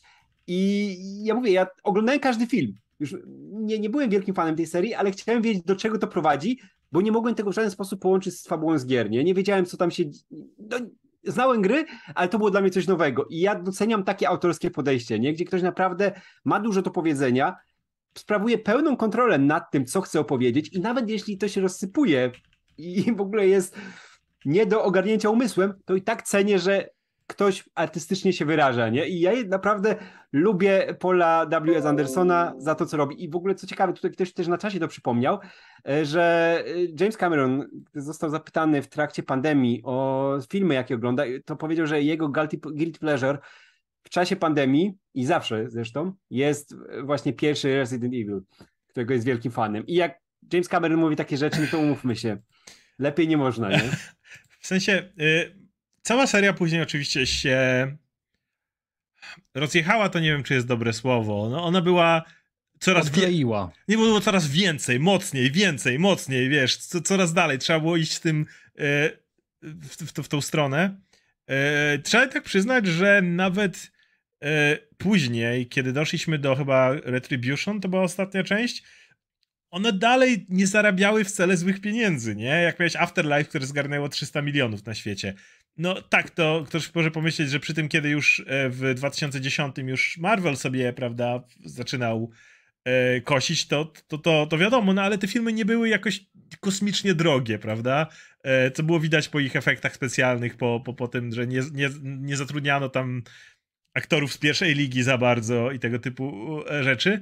Więc cokolwiek się stało, to seria na tyle złapała swojego widza, i mam na myśli całkiem licznego widza, że do końca ten widz na te filmy chodził. Prawda? D dalej, dalej jakoś był w stanie zainteresować. E I, I, to było ciekawe, bo to był ten swój kanon. Y, gry swoją drogą, ale Resident Evil filmy to była seria, która miała swojego konkretnego odbiorcę to i go były, trzymała. To, wiesz co, to było young adult do starych chłopów, totalnie. Możliwe, którzy, możliwe. Tak, którzy obejrzeli tą jedynkę, byli zachwyceni i już, już lecieli dalej. dalej. nie? Możliwe. Ja pamiętam, pamiętam w ogóle jak jedynkę na płytkach się przegrywało cały czas i każdy miał swoją, bo tego nie można było zgubić. I ten film się powtarzało na Hama multum razy właśnie przez tą scenę z laserami, nie? To było coś, wow, niesamowitego. I yy, nie, sorry, był The Final Chapter, no tak, był w yy, 2017. No i dalej, 312 baniek, znowu mówię, to, to, to, to, naprawdę nie, nie jest byle jaki zarobek. Te filmy nie, nie kosztują tyle, co filmy Marvela. I, um, I znowu pytanie, skoro tak skaczemy, bo potem do Resident Evil i to w bardzo niedalekiej przeszłości próbowano się zabierać ponownie. Mieliśmy ten film e, i był ten serial. Serial oczywiście został anulowany po pierwszym sezonie, film też kompletna klapa. I mnie to dosyć ciekawi z tego powodu, że tutaj już nie możemy tłumaczyć takimi rzeczami jak y, za, bar, za, za, dużo gry na ekranie, albo bo w tym świecie nie ma lore, tak jak Mortal Kombat. Znaczy tam jest lore, ale wiadomo, bo klepanie się po ryjach jest ważne. Mam wrażenie, że bardzo wiele czy przemawiało za tym, że w dzisiejszych czasach jest do, dobry moment na zrobienie konkretnego Resident Evil. Raz, gry mają renesans absolutny. Mamy, nie, mamy gry idą dwoma, dwoma jakby ścieżkami. Z jednej strony mamy świetne remake'i kolejnych części, dwójka, trójka miały naprawdę fantastyczny remake. E, za chwilę czwóreczka wchodzi, bardzo czekam. Z drugiej strony mamy tą dalszą linię. Y, siódemka, Village było fantastycznie oceniane. Ja czekam teraz, jak się dowiedziałem, że będzie z trzeciej osoby, bo to jest mój preferowany styl grania. Jak wyjdzie ten patch, prawdopodobnie sprawdzę Village. Mam zombie jasne, już po y, miliardowym sezonie The Walking Dead to może nie jesteśmy w tym wznoszącym się miejscu, ale to nie tak, że zombie nie interesują ludzi dzisiaj. To nie jest tak, że, że to jest już ten, wiecie, jak w momencie wampiry sexy no, weszły i, przesta- i zaczęły Last odrzucać us, wszystkich. Last of Us może Właśnie La, Last of Us wchodzi. Dlaczego kurwa dzisiaj Resident Evil nie może wrócić mimo tych ciągłych prób? No, szczególnie, że wiesz, że gry dostają cały Znaczy, czas niestety te wraca remake'i. właśnie. Znaczy, ale nie może wrócić w dobrym stanie. Dlaczego, dlaczego, dlaczego wychodzi taka kaszana za kaszaną? Moim, moim, moim zdaniem, i na pewno dzisiaj do tego wrócimy, mówiąc o najlepszych adaptacjach, które, które są tak świeże, e, to, to dlatego, że nie zabierają się za to ludzie, którzy mają serce po stronie gier. E, po, po, wiecie, Paul W.S. Anderson miał swoją wizję, to było specyficzne e, i, i coraz bardziej odklejające się. Niewiele miało wspólnego z grami, ale kurde, nie można temu gościowi zarzucić, że on nie rozumie albo nie posiada wrażliwości gracza. Hmm? On a, może nawet za bardzo, może nawet za bardzo chce implementować elementy growe do swoich filmów, ale on, on to czuje i on nie ma takiej, jak widziałem to, bo ja nie oglądałem, znaczy widziałem fragmenty serialu Resident Evil i, na, i nie, nawet Ja też tylko fragmenty. Nie, nie, ja też nie chciałem. Ale oglądałem trochę tego filmu, który, który gdzieś tam dawał radę, tylko ja miałem wrażenie, że tam siedzi jakiś producent wykonawczy z checklistą. I on po prostu odhacza, co on nie rozumie, on nie grał w Resident może zagrał, bo musiał, ale to nie jest gościu, który kocha gry, tak jak Paul W.S. Anderson. I to mi się wydaje problemem, że te najlepsze adaptacje, o których dzisiaj będziemy mówili, jak Arkane, jak Cyberpunk Edge Runners, to jest nie oddajesz komuś całkowicie licencji, żeby sobie robił z tym, co chce, tylko zachowujesz nad tym kreatywną kontrolę i że- powierzasz to ludziom, którzy rozumieją twoją estetykę i podzielają twoją wrażliwość, ale są unikatowi w swoim sposobie robienia rzeczy i rozumieją medium, na którym operują. I, i zrobić dwie rzeczy ze świata Resident Evil chyba w ciągu jednego roku, o ile się nie mylę. Bo O, tylko blisko siebie wyszły roku, te rzeczy, tak. Które były zupełnie różne, ale równie do dupy. To, Mi- no, no to powinno nakłaniać do namysłu. Mi, no. mi Radek opowiadał, bo ja zabierałem się za ten film i w końcu go nie obejrzałem, bo przyszedł do mnie Radek i mówi, słuchaj, to jest generalnie Mortal Kombat Annihilation i tak dalej. To jest generalnie, wrzućmy tam, mamy jeden film, ale musimy tam butem dopchnąć wszystko, coś, co jest w grach, żeby naraz to zmieścić. E, jak Radek mi streścił mniej więcej, co się dzieje, to stwierdziłem, no to szkoda czasu i nie obejrzałem. Nie, to jest, w ogóle wiesz co, ja, ja tak jak już wcześniej mówiłem, lubię jak są pewne zmiany i nawet z postaciami, nie jakieś zabawy i coś, ale żeby tam chociaż promil został tego, co tworzy z tej postaci tą postać, bo musi być jakiś szkielet. Tutaj nic z tego nie było zachowane. Matko, to co zrobić z Leonem Kennedym na przykład, to jest absolutna abominacja. Tego. W- Wesker tutaj jest zamordowany na maksa, on tutaj nie ma żadnej roli. Nie jest powiązany w żaden sposób z tym Weskerem, którego się zna z gier i spoko, jakby go w jakiś sposób zmienili. Ale tutaj ta postać nie ma nic do robienia w tym filmie. Ona jest po to, że. Że, ej, że bo był Wesker. Tak, to, to go z gier, najgorsze, najgorsze Tutaj, co, tutaj dopchali butem. To jest totalnie Mortal Kombat Annihilation, tylko z Mhm. Resident Evil. Nie, to ja, to tak jak właśnie mówisz, ja, ja nie mam problemu, jeżeli wrzucasz daną postać i masz na nią zupełnie inny pomysł, bo myślisz sobie, okej, w, mo w, w moim pomyśle taka postać w takim świecie pełniłaby zupełnie inną rolę. Jeżeli masz na to pomysł i chcesz spróbować pokazać, ej, ten gość w tym świecie zachowałby się jednak inaczej, byłby, nie wiem, zimnym draniem, byłby skurwielem, albo może w drugą stronę coś takiego spoko, ale właśnie zbyt często to jest na zasadzie takie, ej, gracze, Patrzcie, tak jak w komiksach, nie? Ej, ej, znacie, Zack Snyder, patrzcie, patrzcie. Zbroja, ha, ha, ha na niej napisane, wiecie o co chodzi, wiecie. No, to, to generalnie tak samo. Em, no dobrze, chyba już czas. Tak, y, wiesz Chyba co, już to- czas. chyba już czas na, na niego. Ale wiesz, nie, nie, nie, wiesz co, Jesz, jeszcze sekunda. Jeszcze nie? E, bo tutaj, tutaj jeszcze mieliśmy po drodze Alone in the Dark, Okej. ale to, to, tak, to nie, to jest, to jest, już się zaczyna, to już się zacznie, to, ale Ale, ale w tym samym roku, kiedy ale on wyszło Dark to Alone- właśnie on, no ale dobra. Tak, wiem, Chcesz wiem, o Dumie tym- powiedzieć. Tak, tak, tak, bo e, w tym samym roku, zanim pojedziemy całą serią, e, i pewnie wrzucimy to w jedno. Tak, tak, to tak, ja chcę to naraz tak. poruszyć, bo tu nie ma, nie ma innego sensu tego roz, roz. Ale mieliśmy ten dziwny okres tych totalnie jakiś pozbawiony zupełnie pomysłu adaptacji gier. Które miały wyglądać jak gry, nie? To jest to podejście, że ej, zrobimy to dokładnie tak jak właśnie Doom e, naszego wielkiego reżysera polskiego, największego po Kieślowskim, czyli Andrzeja Bartkowiaka. No, my mamy Bartkowiaka. Totalnie. Z Karlem Wielkie- Urbanem i Derokiem, nie? Jak dobrze Tak, pamiętam. tak, tak. I ja sobie ten film przypomniałem z dwa lata temu i, i bardzo lubię cały czas Urbana w nim. Lubię, lubię też ten myk z, fabularny, że pewna postać okazuje się kimś innym niż na początku się wydawało. The Rock jeszcze totalnie jedzie na e, stylu aktorskim z e, wrestlingowym, który ja bardzo cenię, ale w wrestlingu, a nie na ekranie i nie jako aktora. To nie był mój rok.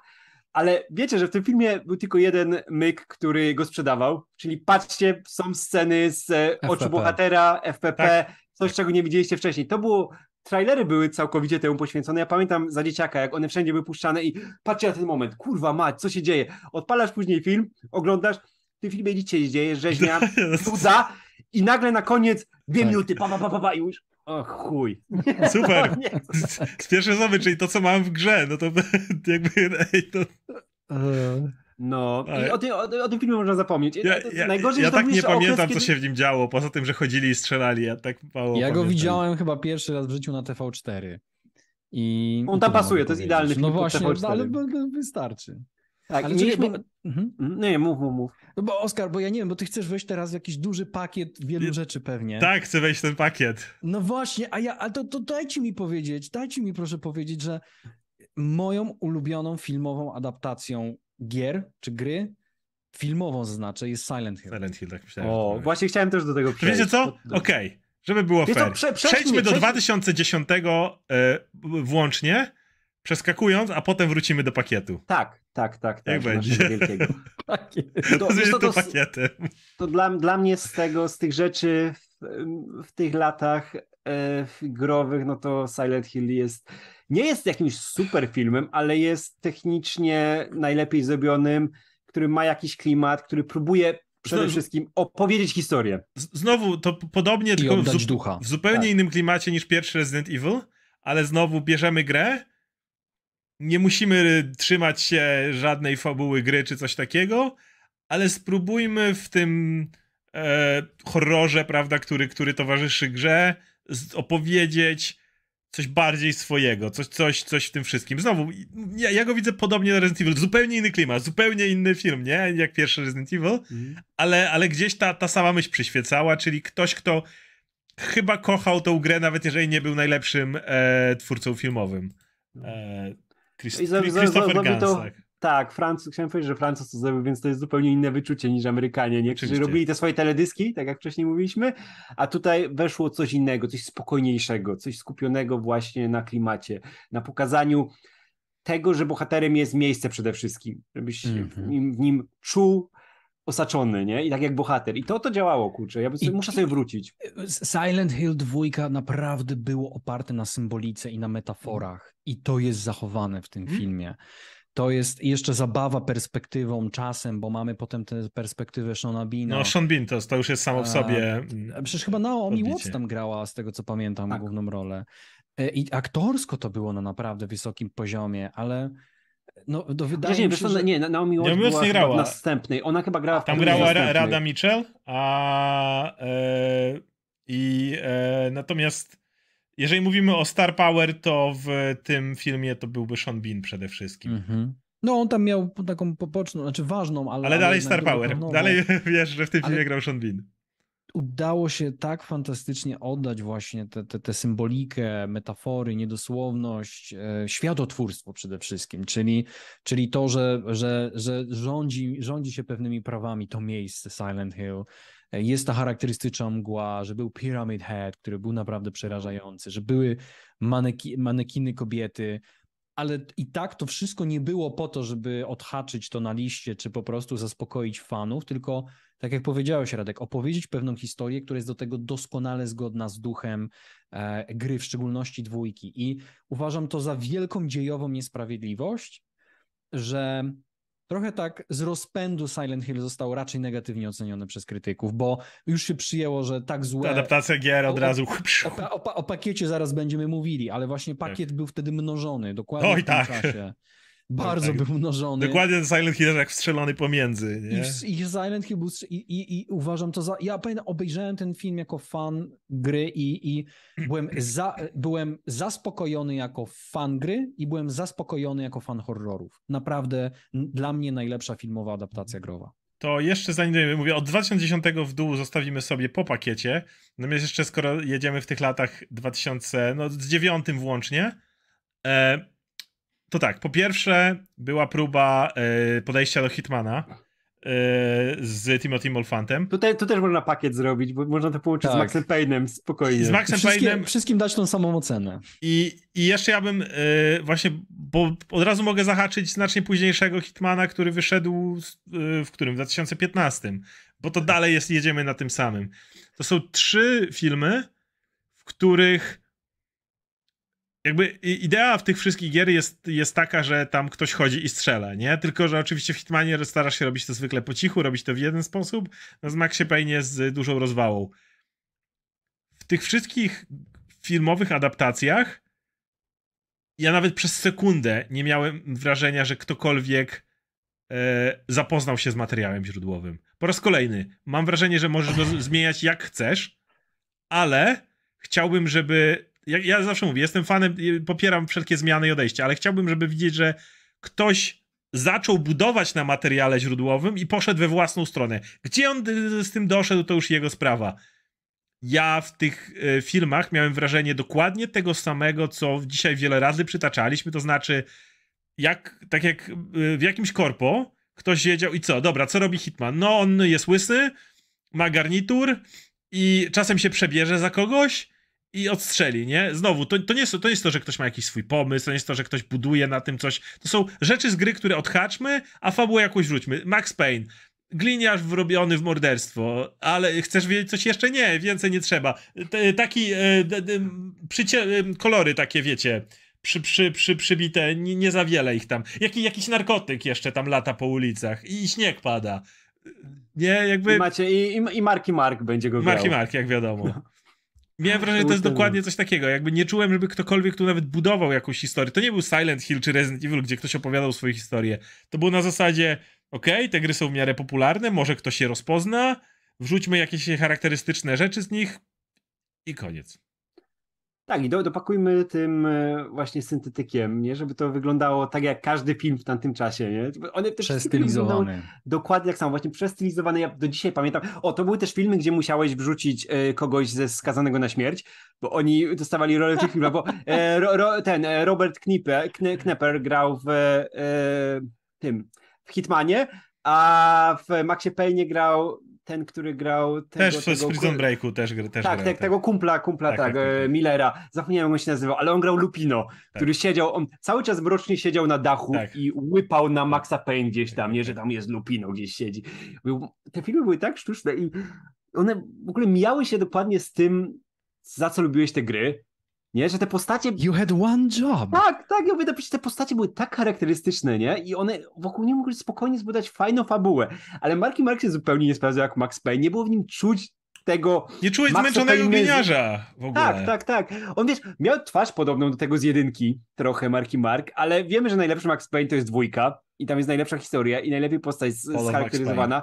Czemu oni na tym się nie skupili, żeby pokazać fajnie tą opowieść? Tak samo właśnie jak w Hitmanie. Mówisz, masz tego charakterystycznego mordercę, który ma jakąś tam konkretną historię, nie? która też jest fajnie rozbudowana, może na tym coś ciekawego zbudować, a tutaj nie, no dodajemy tą typową, że tam o, tutaj jest taki złoczyńca, który kręcił, wiesz, tam wąsem i trzeba go odstrzelić, trzeba zrobić z nim porządek.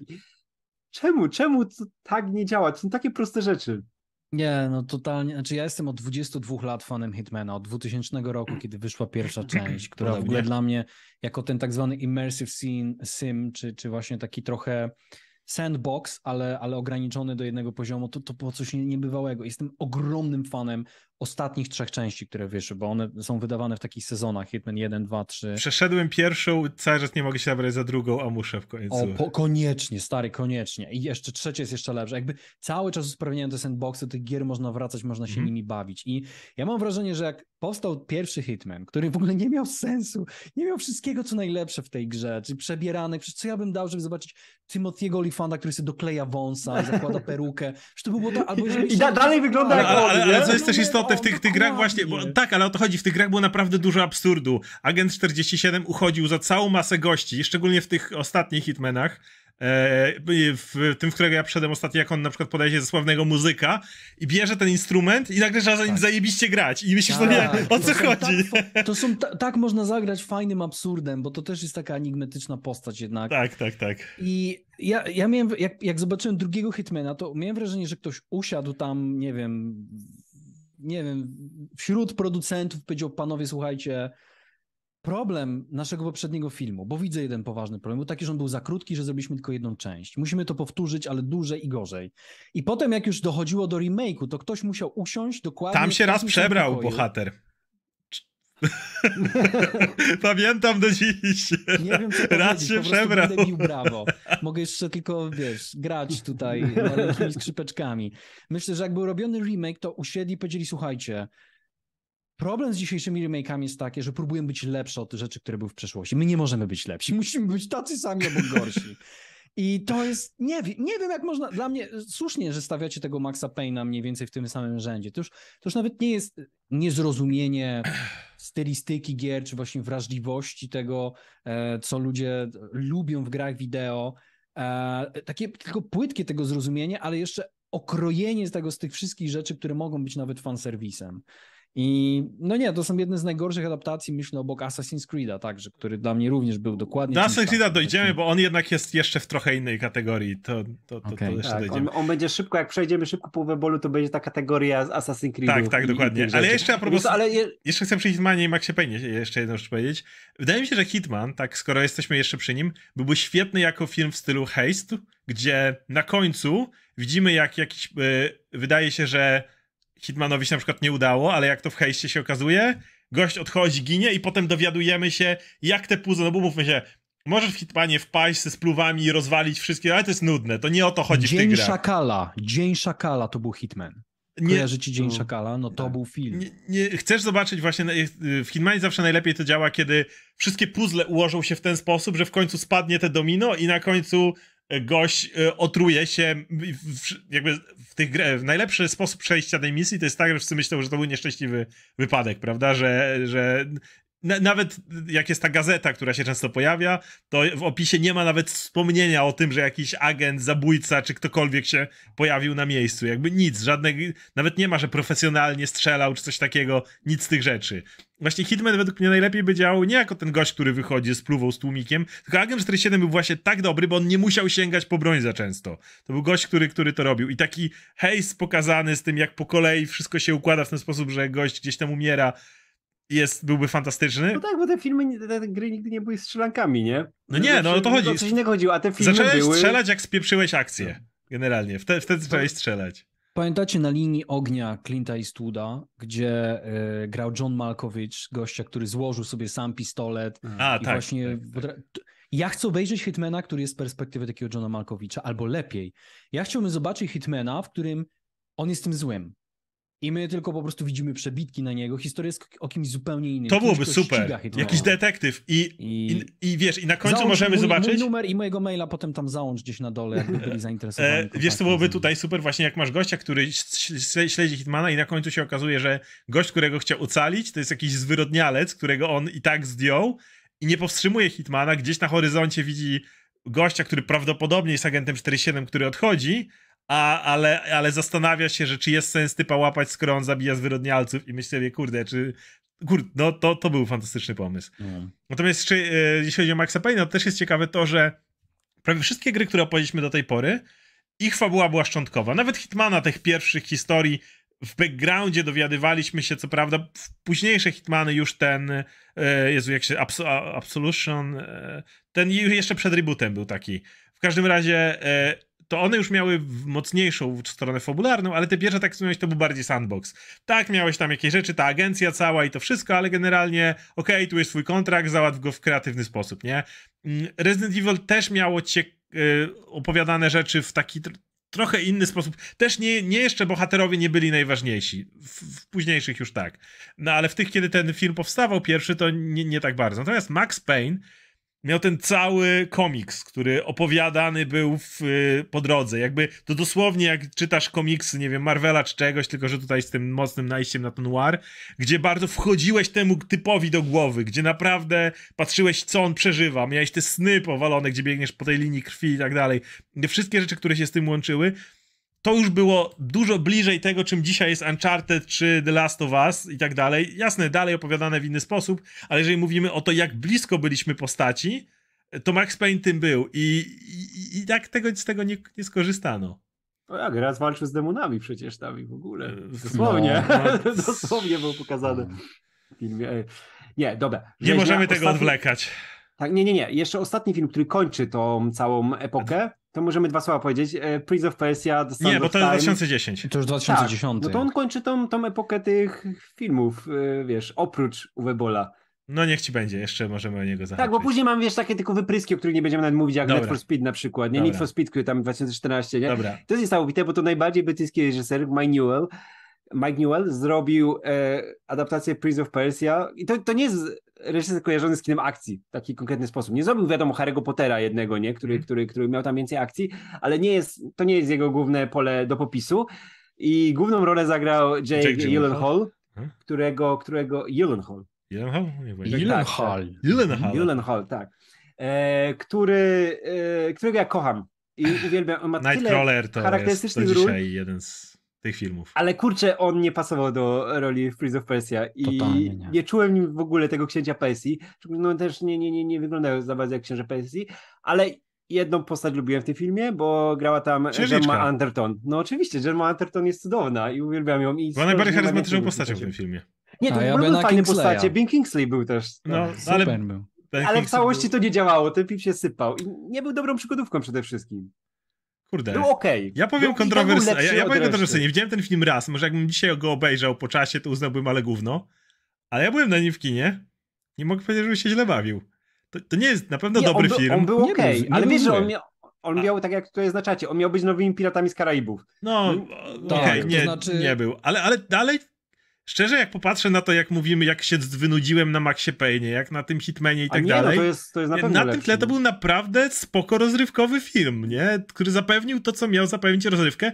I yy, ze wszystkimi jego problemami, chemia yy, i banter między na przykład dwójką bohaterów, kiedy zrobiono właśnie to, yy, czego nie było w y, przynajmniej pierwszych częściach, potem w Prince to rozwinęli, ale jeżeli popatrzymy na te pierwsze części, gdzie księżniczka była help me Mario, w sensie wiecie, y, trzeba było ją uratować, to tutaj, że była właśnie aktywną postacią, która ramię w ramię z głównym bohaterem zapierdzielała tam i, i, i, i rozwalała i banter między nimi sprawiał mi naprawdę dużo frajdy. Czy to byłby, wiesz, jakiś nie wiadomo jak dobry film, do jakiego bym wracał? Pewnie nie, ale jeżeli chodzi, z mojej perspektywy, to była jedna z na tym etapie lepszych adaptacji growych, jakie, jakie były pod względem To jak ja już, ja już rzucam takie granaty wyobraźni, e, jak zrobiłem z tym całym Hitmanem, to, Dajesz. to nie był zły film, a ja miałem naprawdę duże oczekiwania emocjonalne, ponieważ jestem totalnie odjechanym fanem tej trylogii Sense of Time, czy tam Piasków, no tak, Piasków Czasu, mm -hmm. bo Sense of Time wyszło w 2003, był wybitny. Warrior Within był Potem i... Warrior Within, The Two Thrones bodajże,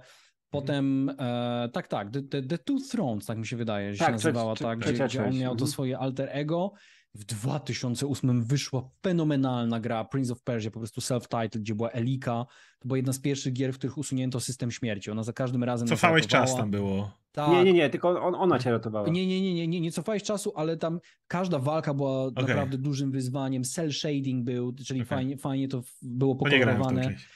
Co ja bym dał, żeby obejrzeć animację albo bajkę Prince of Persia Sands of Time i co ja bym dał, żeby obejrzeć anime tego Prince of Persia z 2008 roku, bo ono było bardzo w stylistyce anime. Jakbyście tak, sobie tak. zobaczyli, to totalnie i dzisiaj, dzisiaj jakbyśmy dostali taką adaptację tego Prince of Persia z 2008 roku. O, tak, nie, i wiesz, coś pięknego. I wiesz co, to szczególnie w filmie widać, że nie masz tej lekkości gry, nie? Że wiesz, ruchy postaci, to, tego nie przeniesiesz na w takim konkretnym Mhm. stopniu, nie? I jakbyś nie starał Hall, to nie wyjdzie w taki sposób. To jednak było takie bardziej ociężałe, nie? I tych scen akcji Mm. było mniej swoją drogą, bo też nie mogłeś ich pokazać, że cały film się na tym opiera, nie? A wiesz, że jakby jakiś trigger właśnie, czy Madhouse e, weszło w ten temat z anime, no to to by było mega dynamiczne, by było oddane idealnie to, co w tych grach działało technicznie, by to super wyglądało, a przy tym mógłbyś fajną fabułę pokazać, nie? I do tego dojdziemy na koniec, że czy animacje dla mnie są przyszłością e, tego typu projektów. Dobry I Radek. forma serialowa często. Tak, tak. Ponieważ ty przedłużyłeś i doszedłeś do 10, musisz zacząć. No mamy naszego mistrza, największą e, personę, jeśli chodzi o adapta- adaptowanie Nikt nie gier, zrobił więcej, to na pewno. czyli e, niemieckiego tarana Uwe Bolla, który znalazł idealny sposób na e, robienie filmów, czyli po pierwsze wałki związane z, Z podatkami. z podatkami, Piękny sposób. e, to po pierwsze, po drugie, do dzisiaj Znaczy to konkretnie jeszcze nikt nie wie, prawo niemieckie, jakby ktoś nie wiedział.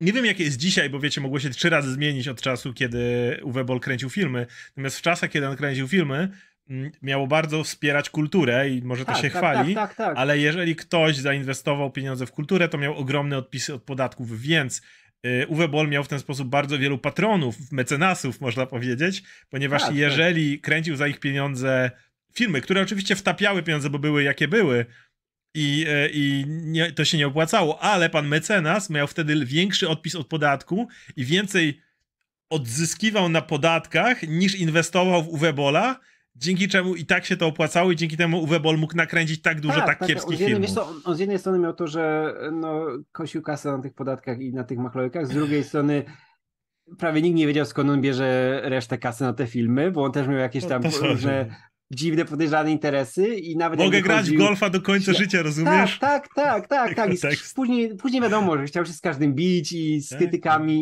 i rozwiązywać swoje problemy w ten Chciał sposób. osobiście zniszczyć ale- MCU. Ale to było niesamowite, że on za grosze, bo wtedy wiesz, nikt nie wierzył w e, adaptację gier, nie? No to, więc jak się udało sprzedać licencję za jakieś grosze, to już było super dla wydawcy, a on to skupywał i kurczę, on brał naprawdę bardzo znane tytuły, nie? Które Tak, odniosły tak, duży tak, sukces. tak, tak. Nie, bo nie mieliśmy, do końca, to zaraz powiem. No. to, to, to, to nie do końca, ale mieliśmy na przykład Alone in the Dark, to seria, która nigdy nie wygrała z Resident Evil, ale, i, czy z Silent A- Hill, ale miała swoje miejsce. Bo w jest tym kulturze. jednak protoplastą tych gier horrorów, nie? Tak, tak, tak, tak. I mieliśmy też e, Blood Rain, która nie była jakoś super grą, ale No to był akurat dużo osób ją mokry sen. ciepło pamięta. No dużo tak, to był- chłopaków nastoletnich bardzo dobrze pamięta tę Tak, grę. tak, bo ta gra wyglądała, bohaterka była fantastyczna, więc ej, to było coś, z czego można robić adaptację. Mieliśmy jego najlepszy film e, powiązany z grami, czyli Postal, który kurwa, tematycznie, no wiemy jak ta gra wygląda, nie? Chodzisz, zabijesz ludzi, wariatem i sikasz na zabijasz, zwłoki, tak. później wkładasz, wiesz, e, robisz ten tłumik do shotguna skóry, czy coś w tym stylu, czy z To już psa. te późniejsze postale. Pierwszy Ja postal. No, ja chcę powiedzieć o, tej o tym jednym No i oczywiście, no ale, ale Far Cry, nie? Też duży, też tytuł. Ale no właśnie, ja rozumiem jego modus operandi, czyli to nie są stare, kultowe gry, ale to są gry, które mają coś wyrazistego. Blood Rain ma bardzo wyrazistą bohaterkę, która jest wampirzycą. Mamy wspomniany Far Cry, mamy Postal, ale ten gościu zrobił film, który jest zatytułowany, ja pamiętam, ja go widziałem, In the Name of the King, a Dungeon, Dungeon Siege, Siege Tale. Tak.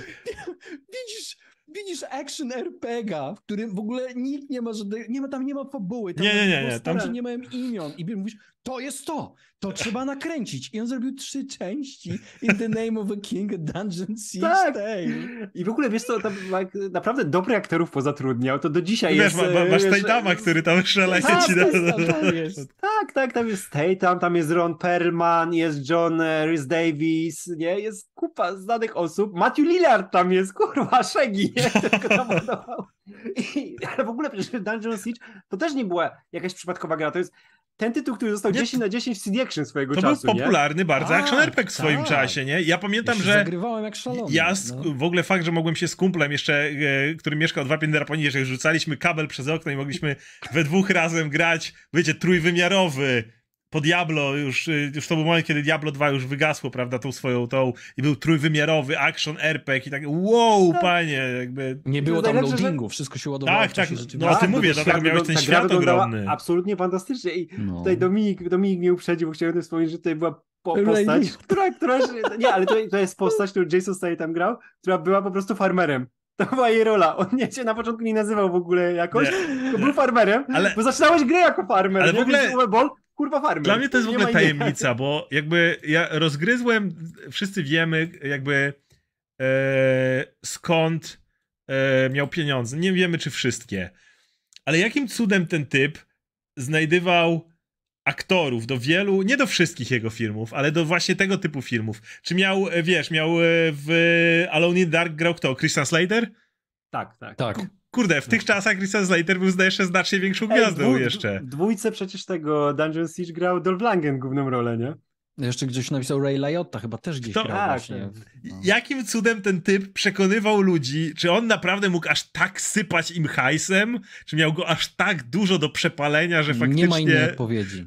Bo, bo come on, wiesz, że grasz w głównie, jakby wiemy, że gówniane filmy potrafią ci naprawdę wjechać na karierę. Niejednego aktora kariera się sypała. Może ludzie w pewnym doszło do tego, że jak grasz w Uwe Bola, to się nie liczy? Nie wiem, jakiś taki free pass w Hollywood. Zagrałeś w filmie Uwe Bola, eh, to i tak możesz grać w Oscarowym filmie, czy coś takiego. Kasa albo końska głowa w łóżku, albo kompromaty, które zbieram na ludzi. Nie, ja nie widzę innej opcji.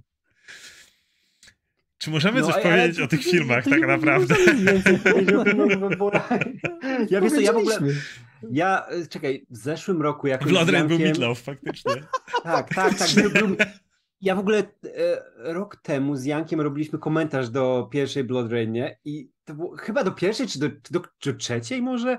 Zaczęliśmy od trzeciej. Wiem, że do którejś części Blood Rain, nie? I to było po prostu kurwa niepojęte, jak ten film wygląda. Michael nie Madsen przypomina- też. Tak, ale to nie przypomina w ogóle doświadczenia kinowego. To, to nie były jest- filmy. Żaden film Uwe Bola nie jest filmem. Żaden. Ż- ja się, żaden cieszę, ja się bardzo cieszę, że filmem. w historii kina był ktoś taki przez chwilę jak Uwe Boll, który robił takie filmy, jakie robił. To był Fellini z koszmaru, Tylko ale mniej więcej to samo, nie? Artystyczne naj... wyrzucenie z siebie wszystkiego, co masz, nie? A że nie miał dużo, to nie jego wina, nie próbował. Ale właśnie najbardziej niesamowite w Uwe Bolu jako człowieku jest to, że on miał niesamowite ego. Ma pewnie Tak, on, dalej. on mówi, ja się Tak. nie zatrzymam. To ja, wiesz, Żadna petycja mnie nie To zatrzyma. nie jest no. tak, że miałem wrażenie, że ten człowiek po prostu znalazł dobry myk na to, żeby robić e, gówniane filmy i zarabiać sobie na tym hajs i odwalać. Jeżeli posłuchacie jakikolwiek wywiadów z nim, czy jego on potem nagrywał nawet vlogaski, gdzie się u, u, uzewnętrzniał, to nie był człowiek, który znalazł e, łatwy sposób na hajs. To był człowiek, który znalazł sposób na realizowanie swojej pasji. Co by nie mówić, on kochał robić te filmy. One wszystkie były jednym wielkim bajzlem. One nie miały w sobie nic, ale ten człowiek autentycznie kochał je, uważał, że są wybitne, uważał, że są wspaniałe, uważał, że przy nich MCU to totalny szajs i tu mówimy o tym czasach dobrego MCU, to kiedy on miał największy ból tyłka o, o ten, ten, uważał, to jest gość, który naprawdę widział siebie jako Stevena Spielberga tutaj, wiesz, adaptacji. Je, nie? jeżeli Ed Wood był kapitanem Ameryką, to Uwe Boll był Winter Soldier, naprawdę. Ja właśnie widzę, ja pa patrzę na jego filmografię. Ten koleś wydał cztery filmy w 2007, Nie, bez problemu. Patryk Wega taki, wiesz. e, cztery filmy w 2011, trzy filmy w 2013. Jakby ten gościu naprawdę spier... Ten gościu walczył z czasem. I No tak jak tu napisane, Patryk Wega, niemiecki Patryk Wega, no. Nie, to jest, jest niesamowite, że kurwa, on zrobił adaptację Far Cry'a, gry, dla której musiałem kompa kurwa nowego kupić, budować kupę kasy, bo na, na niczym nie chodziło. To było coś niesamowitego. A on kupił za grosze pewnie licencję, nie wiem jakim cudem, i władował do głównej roli Tila Schweigera. tak, tak, tak. A to wiesz, ja sobie No. Nie byłem wtedy tak zachuśnięty filmami, ale y, wyobraźcie sobie, y, wiecie, nie, nie mieliśmy takiego dojścia jak, jak, jak dzisiaj, ale wyobraźcie sobie, że dzisiaj istnieje taki typ jak Uwe Boll, jesteś super zajarany jakąś grą i mówisz, adaptacja tej gry i robi Uwe Boll. I myślisz, kurwa, za każdym razem, ja sobie wyobrażam jak, nie wiem, y, super fani Alone in the Dark mogli, nie dobra, to jeszcze był początek, to jeszcze wtedy nie wiedzieli z kim tutaj mają do czynienia, ale, ale już wyobrażam sobie, że dochodzimy właśnie do takiego Far Cry'a. I masz tych fanów Far Cry'a, ale za- jest, zajebiście, wreszcie będzie i nagle jeb Uwe Boll. To musiało być taki po prostu Jego showstopper. budżet na Far Cry'a był mniejszy niż to, co zapłaciłem za kompa, na którym mogłem grać w tę grę, naprawdę. No to jest prawda. No, a może możemy przejść dalej. możemy przejść dalej. Nad, nad, nad e, legendami Chun-Li możemy przeskoczyć. Ale to, tylko zaznaczmy, no i on ale w końcu, w końcu przestał. tak, to też jest ważne, że on w końcu, prze, że to się skończyło, tak? Gdzieś ten pakiet, y, pe, pełną kolekcję można kupić i nie trzeba czekać, aż będzie wydane jeszcze kilka innych, Tak. które Tak, ale wiesz co, ale, ale, ale, ale to tak jest z wszystkim. Teraz przecież Patryk Wega też się skończył, nie? Tak, już jego jego, ostatni film zniknął po tygodniu, właściwie nie ma 30 seansów już. tysięcy, 30 tysięcy zarobił i, I tydzień później praktycznie nie ma seansów już, no. Tak. No, więc, No to gość, e, gość wykręcił hajs, który mógł w tym czasie, załadował to, wyjechał gdzieś, wiecie, do ciepłych krajów, jak to się mówi, i se żyje, no. On powiedział, Wiesz, że nie- mu chwalił nie- się w jednym vlogasku, że ma Zamieszkał tyle... na tej wyspie z Far Cry. On, ma, on, on się chwalił w jednym vlogasku, że ma tyle siana, że mógłby do końca życia grać w golfa, cokolwiek to znaczy, ale pamiętam jak w jednym z jego rantów to powiedział. Dobra, przechodzimy dalej. Tutaj szybko, zanim teraz przejdziemy do podsumowania tego, co jest teraz, to był ten e, dziwny okres parę lat temu, gdzie znowu próbowali władować kupę kasy w takie mega jakościowe adaptacje gier, które też się miały z tym, o czym były te gry, czyli mieliśmy Warcrafta i Assassin's Creed, które miały Tak, być... po, po drodze był Need for Speed, tak jak mówiłeś, Ale, ale, nie, tu nie, nie, ma...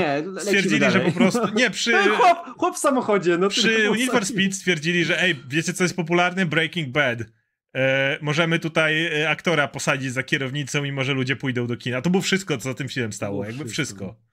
Nie mówię, dla mnie, dla mnie te kluczowe, które były w ty parę lat temu, przed To tym, był zanim... Destiny Warcraft i Assassin's Tak. Creed, zgodzę się. Tak, Warcraft, Assassin's Creed i e, Tomb Raider, o którym już powiedzieliśmy. To były te adaptacje Mhm. dużych marek, nie? Franczyz, które były w tym momencie cały czas bardzo popularne, nie? Bo Warcraft, Warcraft już nie był na tym swoim piku, nie? Jeśli chodzi o, o rozpoznawalność, ale to nadal była marka potężna, nie? I to była kupa kasy włożona i przynajmniej w Warcraftie podchodził do adaptacji naprawdę, wydawało się, konkretny reżyser młody, który miał, który zadebiutował fantastycznym filmem Moon, nie? Który Tak, był po wspaniały. prostu niesamowity. Source Code też był dobry, ale ja bym trochę bronił Warcrafta. W sensie dla mnie ten film już plusował tym, że odnosił się raczej do stra strategii Warcraft, a nie World of Warcraft, którego nie, nie, nie lubię. E, I, i nie, nie próbował przekombinować tego wszystkiego i znakomite CGI było w tym filmie. Ja, jeżeli chodzi o Ork, design orki orków, wyglądały fantastycznie. fenomenalnie to wyglądało i mógłby być trochę, nie wiem, nawet uproszczony ten film, ale powiedziałbym tak, wszystko co działo się po stronie orków było dla mnie fajne. Tam miałeś postacie, po drugiej stronie nie było No. postaci. Dokładnie. Połowa filmu była fajna. To tak jak Tak? z filmem Jeepers Creepers, który do połowy był jednym z najlepszych horrorów, jakie widziałem, a od połowy jednym z najgorszych Jeśli- horrorów, To jakie jest widziałem. zajebiste przejście, nie? To Jeepers No, Creepers. to- Jeśli chodzi o, o, To o, nie wiem, tak przyszło do jeśli chodzi o Warcrafta, to za tym filmem stało wszystko, co mogło stać właściwego. Mieli budżet. Ówczesny jeszcze Blizzard, z którego nie podchodziły największe legendy, więc Chris Madsen, który czuwał bezpośrednio nad produkcją tego filmu. Gość, który jednak napisał w chuj loru do tych wszystkich gier. Ale cały czas e, założyciele, przynajmniej część z nich War- e, Blizzarda cały czas tam byli i cały czas na tym czuwali. Mieli Duncana Johnson, naprawdę niczego sobie reżysera. E, więc mieli, wszystkie puzzle były na miejscu, nie? Wszystkie elementy układanki się spinały. Wydaje mi się, że niestety oni chcieli złapać, jak to się mówi, za dużo srok za, za ogon. Chcieli za, za dużo naraz zrobić. Ten film, tak jak mówisz, gdyby skupić się na tych dwóch bohaterach, na Durotanie i Orgrimie, tymi dwu, tych dwóch kumplach, którzy byli z tych orków, nie? Jedyne postacie, które, tak jak mówię, były tam postaciami. Pokazać ich cały dramat z ich strony, jak przechodzą przez ten portal, jak trafiają do nowej ziemi, jak muszą sobie radzić z pewnymi rzeczami, coraz bardziej podaje im się zgnilizna w ich plemieniu, która Trochę zaczyna jak Planet of the toczyć. Apes. Trochę nowe. jak Planet of the Apes, właśnie. Zresztą, kurde, Durotan jest trochę Cezarem tego, tego, mm, te- tego ugrupowania, prawda? Gdzie, gdzie, gdzie właśnie za, zauważasz, jak to wszystko zaczyna się rozlatywać i, i na tym by się skupili, ten film bardzo możliwe, że miałby znacznie lepsze recenzje, znacznie lepiej by się przyjął i zarobiłby więcej kasy, bo ludzie by na niego wracali, żeby chociażby tych gości zobaczyć, nie?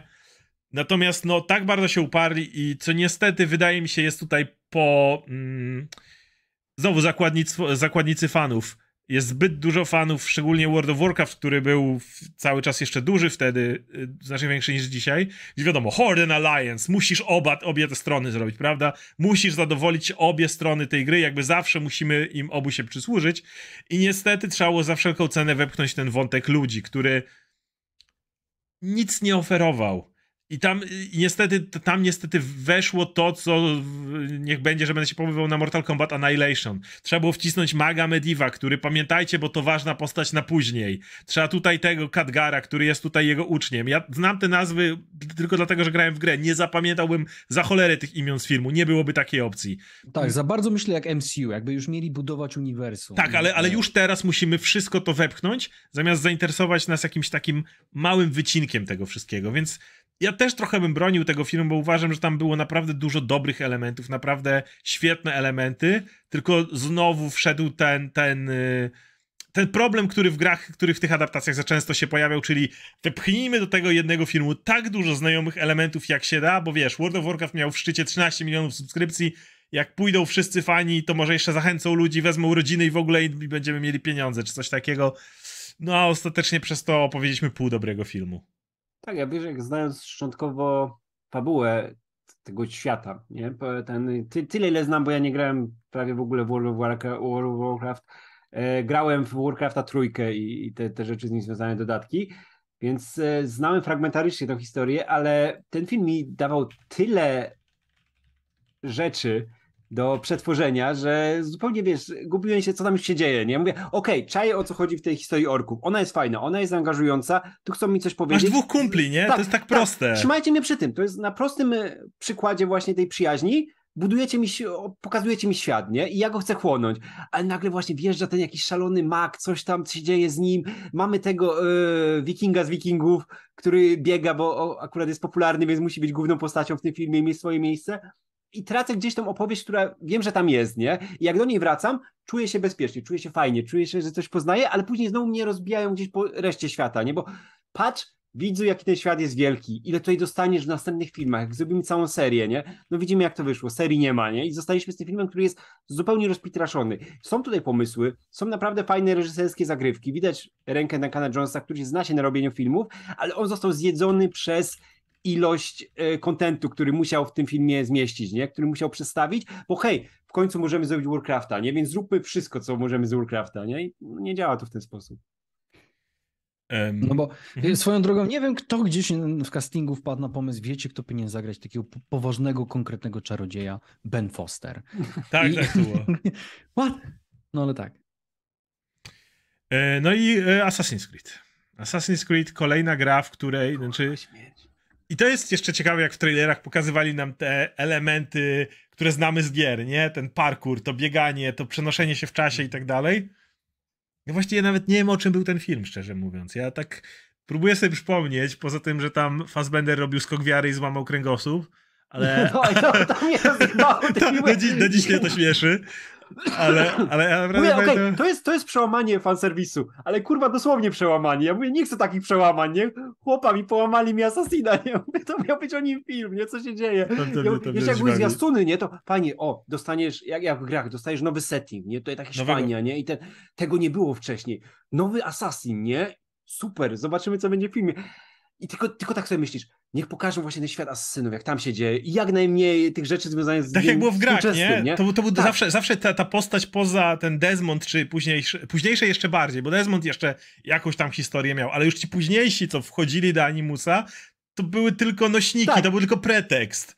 Żebyś dostajesz... zawsze, zawsze chciałeś dostać te. Jak mówisz o asasynach, to nie myślisz o Desmondzie i tych bohaterów, których imion nawet nie pamiętam, tylko myślisz o Altairze, o Ezio, o, e, o Arno, nie wiem, ktoś może lubi Arno, ale o Bajeku, o, o, o tych wszystkich postaciach, które po drodze były, nie? O Edwardzie. To są postacie, które, które pamiętasz, a nie ty, tych gości, co wchodzili do Animusa. Tak, a oni tutaj nie też, że dali w ciul świata e, współczesnego animusa i tego, co się dzieje, to jeszcze nawet tego animusa dojebali tak, że ej, patrzcie, tu nie chodzi o to, że on tam biega po dachach i te rzeczy, tylko patrzcie, jakie mam zajebistego animusa. Tak co się rusza, robi, skacze. Jak tak. napierdala. Ja mówię, nie o to chodzi w, tych, w tej serii, nie? Ludzie nie chcą tego oglądać, nie? Jezu, jak ten, w ogóle ten film był tak po e, właśnie fragmentaryczny i ta fabuła była tak przypadkowa, o czym ona była? Żeby, żeby coś zmieścić, nie? Że tutaj jabłko gdzieś, żeby tutaj pokazać, ej, tutaj widzicie, są artefakty innych asasynów, których znacie z gier, ale one nie mają zupełnie znaczenia, jakieś postacie, które są powiązane, one też nie mają znaczenia na końcu i tak wszyscy wybiegają hurdur i coś robią, biegają po jakimś budynku współczesnym. Mówię, gdzie tu jest Assassin's Creed? Gdzie tu jest historia? Dla mnie każda gra była historią konkretnego asasyna, nie? Który ob, ob, on się jakoś zmieniał, do czegoś to prowadziło i okej, okay, niech sobie w tle będzie ten animus i niech to rozwijają w następnych filmach, walić to, ale dajcie mi historię tego bohatera, nie? A to nie było tej historii za grosz. To było straszne. A czy to jest w, w moim odczuciu, jak mówiłem, że Silent Hill to jest moja ulubiona filmowa adaptacja growa, nie mogę powiedzieć, że to jest najgorsza, ale to jest absolutnie jedna z najgorszych. To jest ta, jest, ona jest tak, ona traktuje się tak poważnie, nie ma tam żadnego humoru, nie ma tam żadnego luzu. To, powin, to mogło być zajebiste kino nowej przygody i to jest tak niewykorzystana szansa. Mogliśmy mieć Desmonda, który wchodzi do różnych światów, który skacze sobie po różnych światach i, i, i e, de facto wciela się w postaci, które znamy z Assassinów. I można było to naprawdę jakoś żartobliwie ograć, można było wycisnąć coś z tego budżetu, który mieli, żeby i fani mieli coś dla siebie i zabawić się też tą formułą, jak, jaka jest nieskończoność możliwości w ramach gdzieś tam grzebania w tej naszej pamięci genetycznej i pojawiania się w różnych czasach. Jak tylko myślę o tym naszym ostatnim odcinku, gdzie gadaliśmy o Sandmanie i jak zachwalaliśmy ten, ten, ten szósty odcinek, gdzie on wchodzi za każdym razem do baru, prawda, czy tam mhm. do karczmy, ale czasy się zmieniają i widzi się ze swoim przyjacielem, to, to myślę, a jak tak mógłby wyglądać Assassin's Creed? Że on rzeczywiście skacze sobie po tych światach, ale oczywiście ma jakąś coś do zrobienia. I od razu myślę na przykład, ja wiem, że tu mogą być podzielone opinie, ale dlatego mi się bardzo podobał Endgame Avengers. Jak, jak mieliśmy Infinity ja War, który miał tak wielkie, wysokie stawki, to Endgame nagle poszedł w stronę takiego heist movie, który jeszcze do tego jest skakaniem po różnych, e, po różnych e, e, epok, no może nie aż tak bardzo po różnych epokach, ale jest, jest kilka tych, tych, tych planów tak naprawdę. Jakby ten bohater miał, iż to nie wiem, ścigał to jabłko i to jabłko by się pojawiało w jednym czasie, potem w innym czasie. Ja nie pamiętam, czy tam było jabłko, czy nie, ale pamiętam, że było, było w grach. No to jak było jabłko, to już było, było, było, było długo, punkta. Jeremy Irons długo tłumaczył sprawę jabłka. Wiesz co? Ja, ja, ja, ja akurat bym wolał inną, inaczej, ja bym wolał właśnie postać, która wchodzi do tego animusa jako dosłownie pretekst, e, ale dostać przede wszystkim fajnego bohatera w tych czasach, którekolwiek by sobie wybrali. Powiem więcej. Assassin's Creed był w tym wygodnym miejscu, że w przeciwieństwie do wszystkich innych gier pra praktycznie, które dzisiaj omawialiśmy, tutaj, mimo tego, że był już w czasach mocno rozwiniętych social mediów, fani myślę, że dużo łagodniej by podeszli do dowolnej historii. Dlatego, że już byliśmy przyzwyczajeni do tego, że tu mamy Konora, tu mamy kogoś, tu mamy Ezio, tu mamy taką postać. Y, potem były te mniejsze gry, nie? Jak Rogue, jak Liberation i dostawaliśmy już tak dużo różnych asasynów, że twórcy mieli tu tak wolną rękę, jeśli chodzi o to, co mogło zrobić. Mogli wziąć dowolnego człowieka, nie, nie musieli robić historii Desmonda. Fani chcieli zobaczyć Assassin's Creed myślę, że większość nie obchodziło, żeby zobaczyć na ekranie Ezio, żeby zobaczyć na ekranie Desmonda. Mogłeś zrobić swojego własnego bohatera, od zera go zbudować, tak jak zrobili z postacią Fassbendera. That's fine. Położyć go w tym animusie, w animusie zrobić znowu w jakiejkolwiek epoce. W tej, w której robili jego postać, żaden problem. Dać tą postać, która tam biega i znowu od zera ją zbudować. To nie musiał być Altair, to mógł być ktokolwiek inny.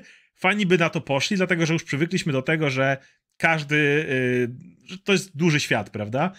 I mieli tak wolną rękę w tym, co robili i jakby to było rozwinięte, poza wątkiem, że masz typa i temperariuszy i jakoś tam się... Możesz znowu dać dowolnego złoczyńcę, to może być hrabia i tak dalej.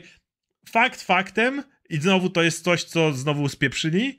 Jednym z największych, jedną z największych zalet Asasyna, wydaje mi się, że to, co kochamy, to to reinterpretowanie historycznych postaci. Hmm. To jest też coś, czego w tym filmie kompletnie nie ma. Natomiast yy, myślę, że wiele ludzi by zobaczyło, gdyby, ej, Leonardo da Vinci, e, Juliusz Cezar, wszystkie postaci, które się pojawiają po drodze, wiesz, Machiavelli, wszystkie, które się pojawiają, pojawiają po drodze, ten jest templariuszem, a ten jest asasynem, się okazuje. To byłoby coś, co by fantastycznie pasowało i nie miałbym nic przeciwko twojemu pomysłowi, ale z filmu na film. W tym filmie nasz bohater zanurza się w tym, w tym świecie, w tym filmie, tak jak gry są zrobione, dokładnie. Ale skupmy się na tym jednym bohaterze, i zobaczmy y, w ten sposób tą, tą, tą, tą, tą fabułę z tej perspektywy. Natomiast tutaj, ja mówię, ja do dziś nie wiem o czym był ten film. Nie, nie, nie mogę. Yy, pamiętam, jak po pierwsze, mam wrażenie, że osoba, ludzie, którzy robili ten film, nawet nie stali obok tej gry.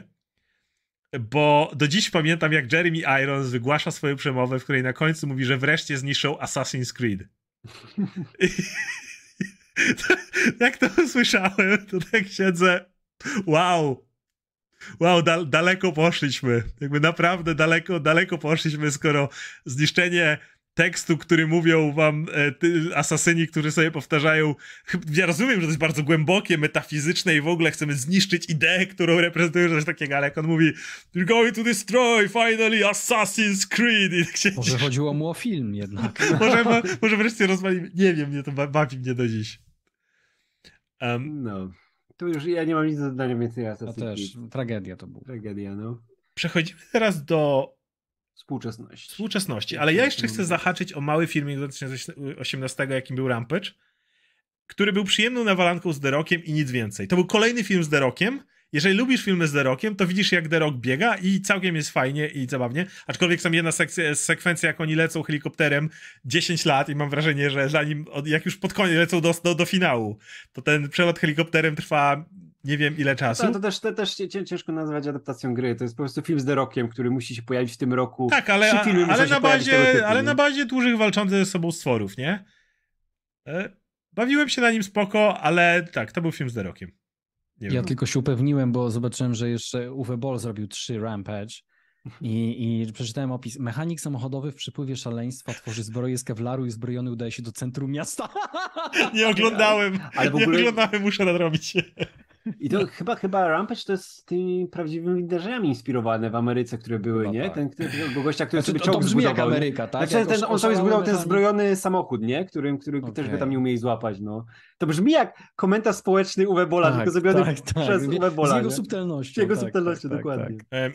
Wspomnieliśmy jeszcze, bo gadaliśmy o Uncharted i Mortal Kombat, ale jeszcze spokojnie, zresztą Mila Jawowicz powraca i Paul W.S. Anderson również w Monster Hunterze. Monsters, Kocham tę serię gier dla jasności. Wiele razy mówię na tym kanale, że to jest, to jest mój go-to. Jak chcę się odmurzyć, chcę ponapierdalać potwory, wtedy najczęściej najlepsze pomysły mi do głowy przychodzą. Tak wymyślam y, tematy odcinków, tak wymyślam sesje RPG i tak dalej. Odpalam sobie Monster Huntera i po prostu tnę kolejnego potwora. E, ale to, to, to, nie jest seria na e, jakąkolwiek fabułę. W tych grach nie ma fabuły. W tych grach to jest o, hello, Hunter! No, nowy potwór tutaj mm, grasuje w okolicy. O nie, niszczy ekosystem, musisz iść i go upolować, ale jak go zabijesz, to skrój mu skórę i będziesz miał nowe buty. Więc jakby... jakby ja, muszę, ja muszę zobaczyć. Brzmi jak Dungeon Siege. Tak, no, ale nie, jeszcze, jeszcze... gra się to fantastycznie jakby, ale, ale to nie jest nie ma. Zanim jeszcze przejdziemy do tych, do tych najnowszych, ja tylko dwa, dwa słowa powiem, bo pojawiło się pytanie, czy powiem coś o Tekenie, ale o tych adaptacjach bijatyk, które się pojawiły w tym na one po, wszystkie były takie same. One były takie same. To Legend, nie ma Legenda Chun-Li była po Tak, tak. Legenda Chun-Li to w ogóle jest kolejny film naszego wielkiego Andrzeja Bartkowiaka. Tak, tak. I tylko dlatego ten film powstał, bo była Christine Craig za, tak. zatrudniona do roli Chan-Li, bo ona była po Smallville, ludzie ją znali, więc tylko tym to reklamowali. Tak. E, później mieliśmy tego Tekena, który był zupełnie nijaki, nie? Ja wiem, że te gry mają pretekstową Ta, fabułę, ale... ale... jeszcze w tym Tekenie, już jak ledwo pamiętam, tam nawet też próbowali w turniej pójść, nie? A i tak tego się nie oglądało. Tak, ale nie, to, to, to było straszne, więc tutaj nie ma o czym mówić. I wiesz, było to Dead or Alive z początku wieku. To było moim guilty pleasure za dzieciaka, ale tutaj też nie ma o czym mówić zupełnie. Okej. Okay. No, to wiesz co, to teraz e, przechodzimy do tych najnowszych rzeczy i tutaj już animacje zaczynają rządzić. Ale, ale, ale, ale jeszcze za, zanim animacje, to trzeba przyznać, że były filmy, które już miały całkiem niezłe oceny i zarobiły dużo pieniędzy, ale już w nich element animowany wchodzi. Mam na myśli detektywa Pikachu i Sonika. No to ja to wszystko, wiesz, to wszystko okay. łączę jako animację, okay. nie? Okay, jeżeli tak, to spoko. Sonika, one wszystko, e, nawet, nawet te Angry Birds, które było filmem jakim było, to też zarobiło swoje, nie? I też przypadkowe jednak marki, wiesz, które wydawało się, że wiesz, ona jest idealna pod adaptację dla dzieciaków, nie? I w taki sposób działała, nie? Nie Ej, jestem fanem tego filmu, ale... to, to pominęliśmy jeden film kinowy, o którym rozmawialiśmy tuż przed startem live'a. Skoro mówisz o animacjach, musisz powiedzieć o początku, czyli jak pierwszy raz tak, na duży ekran fajna. próbowali przenieść, e, mam na myśli blockbusterowo, bo wiadomo, mieliśmy całą masę animacji pomiędzy, w trakcie i tak dalej, jeżeli mówimy o taka, mm. która trafiła na zachodzie do kin, to jeśli chodzi o adaptację gier, to w 2001 roku był, była jedna i nazywała się Final Fantasy Spirits Within która, która była, ja był okres, że ja ten film lubiłem bardziej niż Matrixa. Ja byłem absolutnie zafascynowany. To, jak on był technicznie zrobiony, to było absolutne mistrzostwo świata. On do dzisiaj wyglądał błędnie. I to, jak zachowuje się dr Aki Ross, jej mimika i wszystko, to było coś po prostu niesamowitego. I ta fabuła też nie była zła. Ja lubię te takie, takie metafizyczne, dziwne rzeczy, że tutaj ta energia, która tam tworzy różne, różne rzeczy i, i, i jesteśmy z nią połączeni, to jest bardzo przyjemne. I też odbiegało, wiesz, od gier w e, sporym stopniu. Każda gra ale... opowiada swoją no tak, historię, tak, więc... Dokładnie i to, to, było, to była fajna strategia, żeby w to pójść, nie? żeby to połączyć z tym światem, żeby było pod marką Final Fantasy, ale żeby zrobić coś nowego, nie? No i umówmy się, ten film przede wszystkim e, być markiem żeby pokazać, jak technologia, jak technologia może wyglądać. Tak, tak, tak. On, e, to był moment, w którym patrzcie, gdzie jesteśmy dzisiaj, jak widzimy, jak e, te motion capture wygląda całe przy grach, jak mimikę całą odtwarzamy i tak dalej. Ale to był, kurde, 2001 rok. W tamtym czasie, ja pamiętam, to, to, to wyglądało tak powalająco, to był tak fenomenalne. Nawet dzisiaj oglądając, jasne, to nie wygląda dzisiejszo, ale uwierzyć, że to jest 2001 rok, czyli mieliśmy dwa lata wcześniej Mortal Kombat Annihilation na przykład, czy, czy, czy tego typu rzeczy i zobaczyć, że to było wtedy, to jest dla mnie do dziś niesamowite. No ja tylko pamiętam, że pomimo, że nie byłem aż takim fanem Final Fantasy, e, jak mój przyjaciel, który naprawdę żył tą serią, e, to zobaczyłem chyba reklamę tej produkcji na, odwro na odwrót na odwrotnej okładce kawaii. Kawaii, kawaii, nie, nie mam mm. pewno, chyba kawaii się czytało. I, I totalnie zrobiło to na mnie wrażenie i potem jeszcze wychodziło takie pismo film i sięgnąłem do pisma film i gdzieś tam czytałem recenzję. Nie dostało chyba najwyższej oceny ten film, ale, ale właśnie przeczytałem, że to jest przełom technologiczny i jak poszedłem do kina i go zobaczyłem, to szczana do podłogi. Ja, ale, ale ja szedłem tam bez żadnych oczekiwań. To znowu było jak Super Mario Bros. w moim przypadku. Ja nie znałem tego świata. Ja wiem, że mm, Final Fantasy jako seria daje nam też mnogość światów, z których możemy no, korzystać. Każdy jest inny. Ja, ja, jestem wielkim fanem, wszystkie części grałem prawie, więc yy, tak, ale to, to normalne, że idziesz na Final Fantasy i spodziewasz się, że dostaniesz coś nowego. Tak, więc to jakby kompletnie uchodziło płazem twórcom. Mhm ale te technicznie, technologicznie i to też jednak ten film miał serce. Tam, tam było mm. serce, tam były emocje.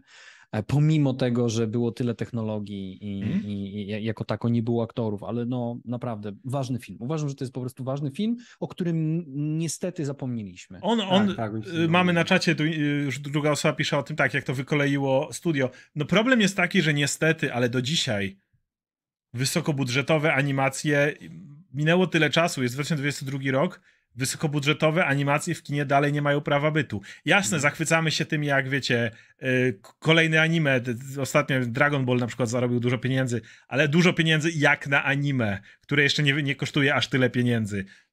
Nie, nie, nie przypominam sobie w historii żadnej wysokobudżetowej e, animacji, która trafiłaby do kin i zarobiła duże pieniądze. Nie, nie, nie kojarzę czegoś takiego, bo będziemy mówić już za chwilę dosłownie o, o Arkane i tak dalej, o serialach y, na, na streamingu, to jest inna bajka, natomiast po prostu nie ma na to miejsce. Da, do dziś ludzie mają, może jak wiecie, już my będziemy starym pokoleniem, a wszystko przejdzie dalej, to ludzie może będą mieli trochę inne podejście do animacji, bo my się na tym wychowaliśmy, ale no jeżeli popatrzymy, to do dzisiaj stygma jest jaka jest. Co widzimy, jak do dziś się śmiejemy, często rozmawiamy tutaj o tym, co się dzieje w Warnerze, jak przychodzi pan Zaslaw, stary dziad i pierwsza rzecz, jaką robi, to praktycznie wycina e, dział animacji Warnera, nie?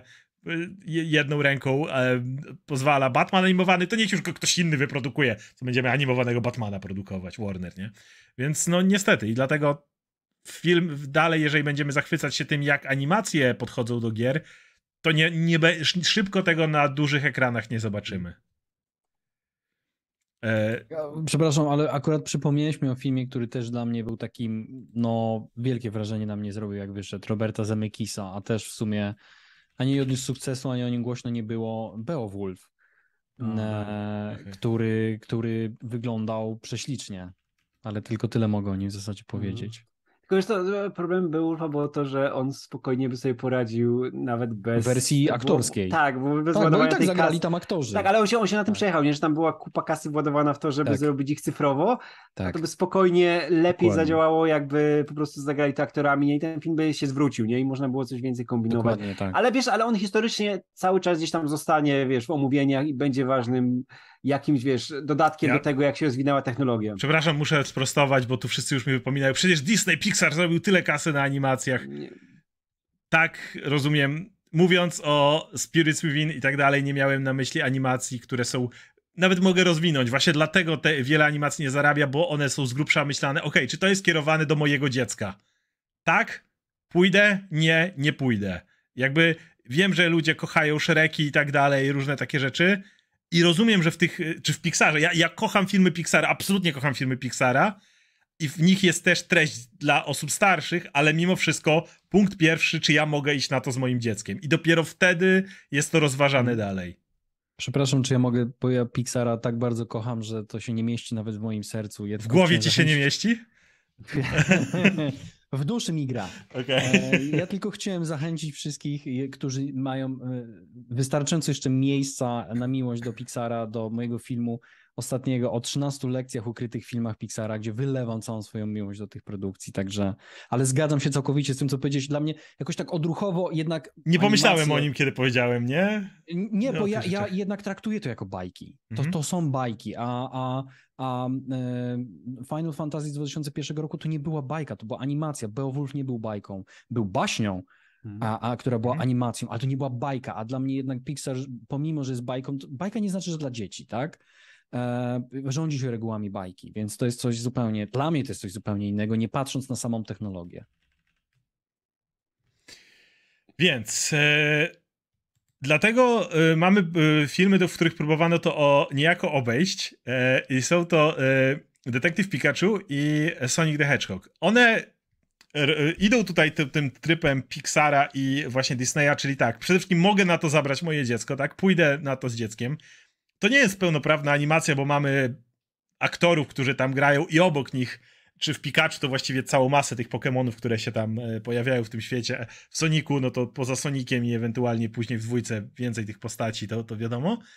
E, I to są filmy, które, które są na pewno celują w tryb familijny, ale trzeba przyznać, one miały zdecydowanie lepszy pomysł na to, nawet jeżeli tym pomysłem było tylko niech Pikachu mówi głosem Ryana Reynoldsa, ale trzeba przyznać, że w ramach filmów familijnych one miały zdecydowanie większy pomysł, też to widać po zarobkach, bo oba te filmy poradziły sobie już, jak popatrzcie na zarobki do tej pory filmów, to może poza Warcraftem, ale on kosztował ogromne pieniądze, no to nagle przechodzimy do Detective Pikachu 433 miliony, Sonic the Hedgehog, okay, on się jeszcze mieści w ramach tego, co, co było później, ale tam też pandemia zaczęła wchodzić i, i, i były problemy.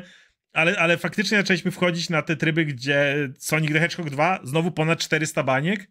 Znowu zaczynamy wchodzić w te, które zaczynają się przyjmować i też ich oceny nie są już na poziomie, wiecie, 50% na Rotten Tomatoes czy coś takiego.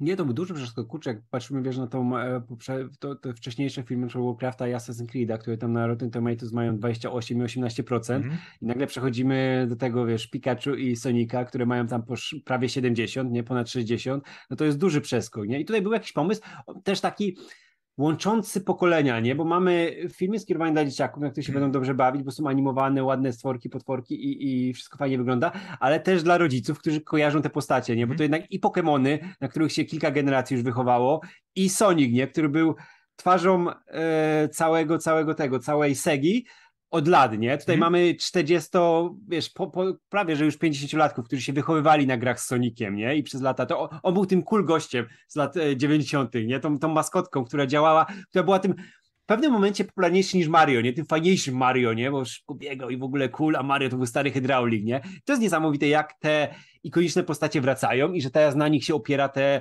animowane duże premiery, bo mieliśmy i, Pik i Pokémony, z Pikachu oczywiście w tytule i mieliśmy tego Sonika i to zaraz będzie Mario, nie? Który też... Ale, ale Mario jest, będzie stuprocentową animacją, natomiast tutaj mieliśmy ten no motyw no tak, ludzi. ludzi.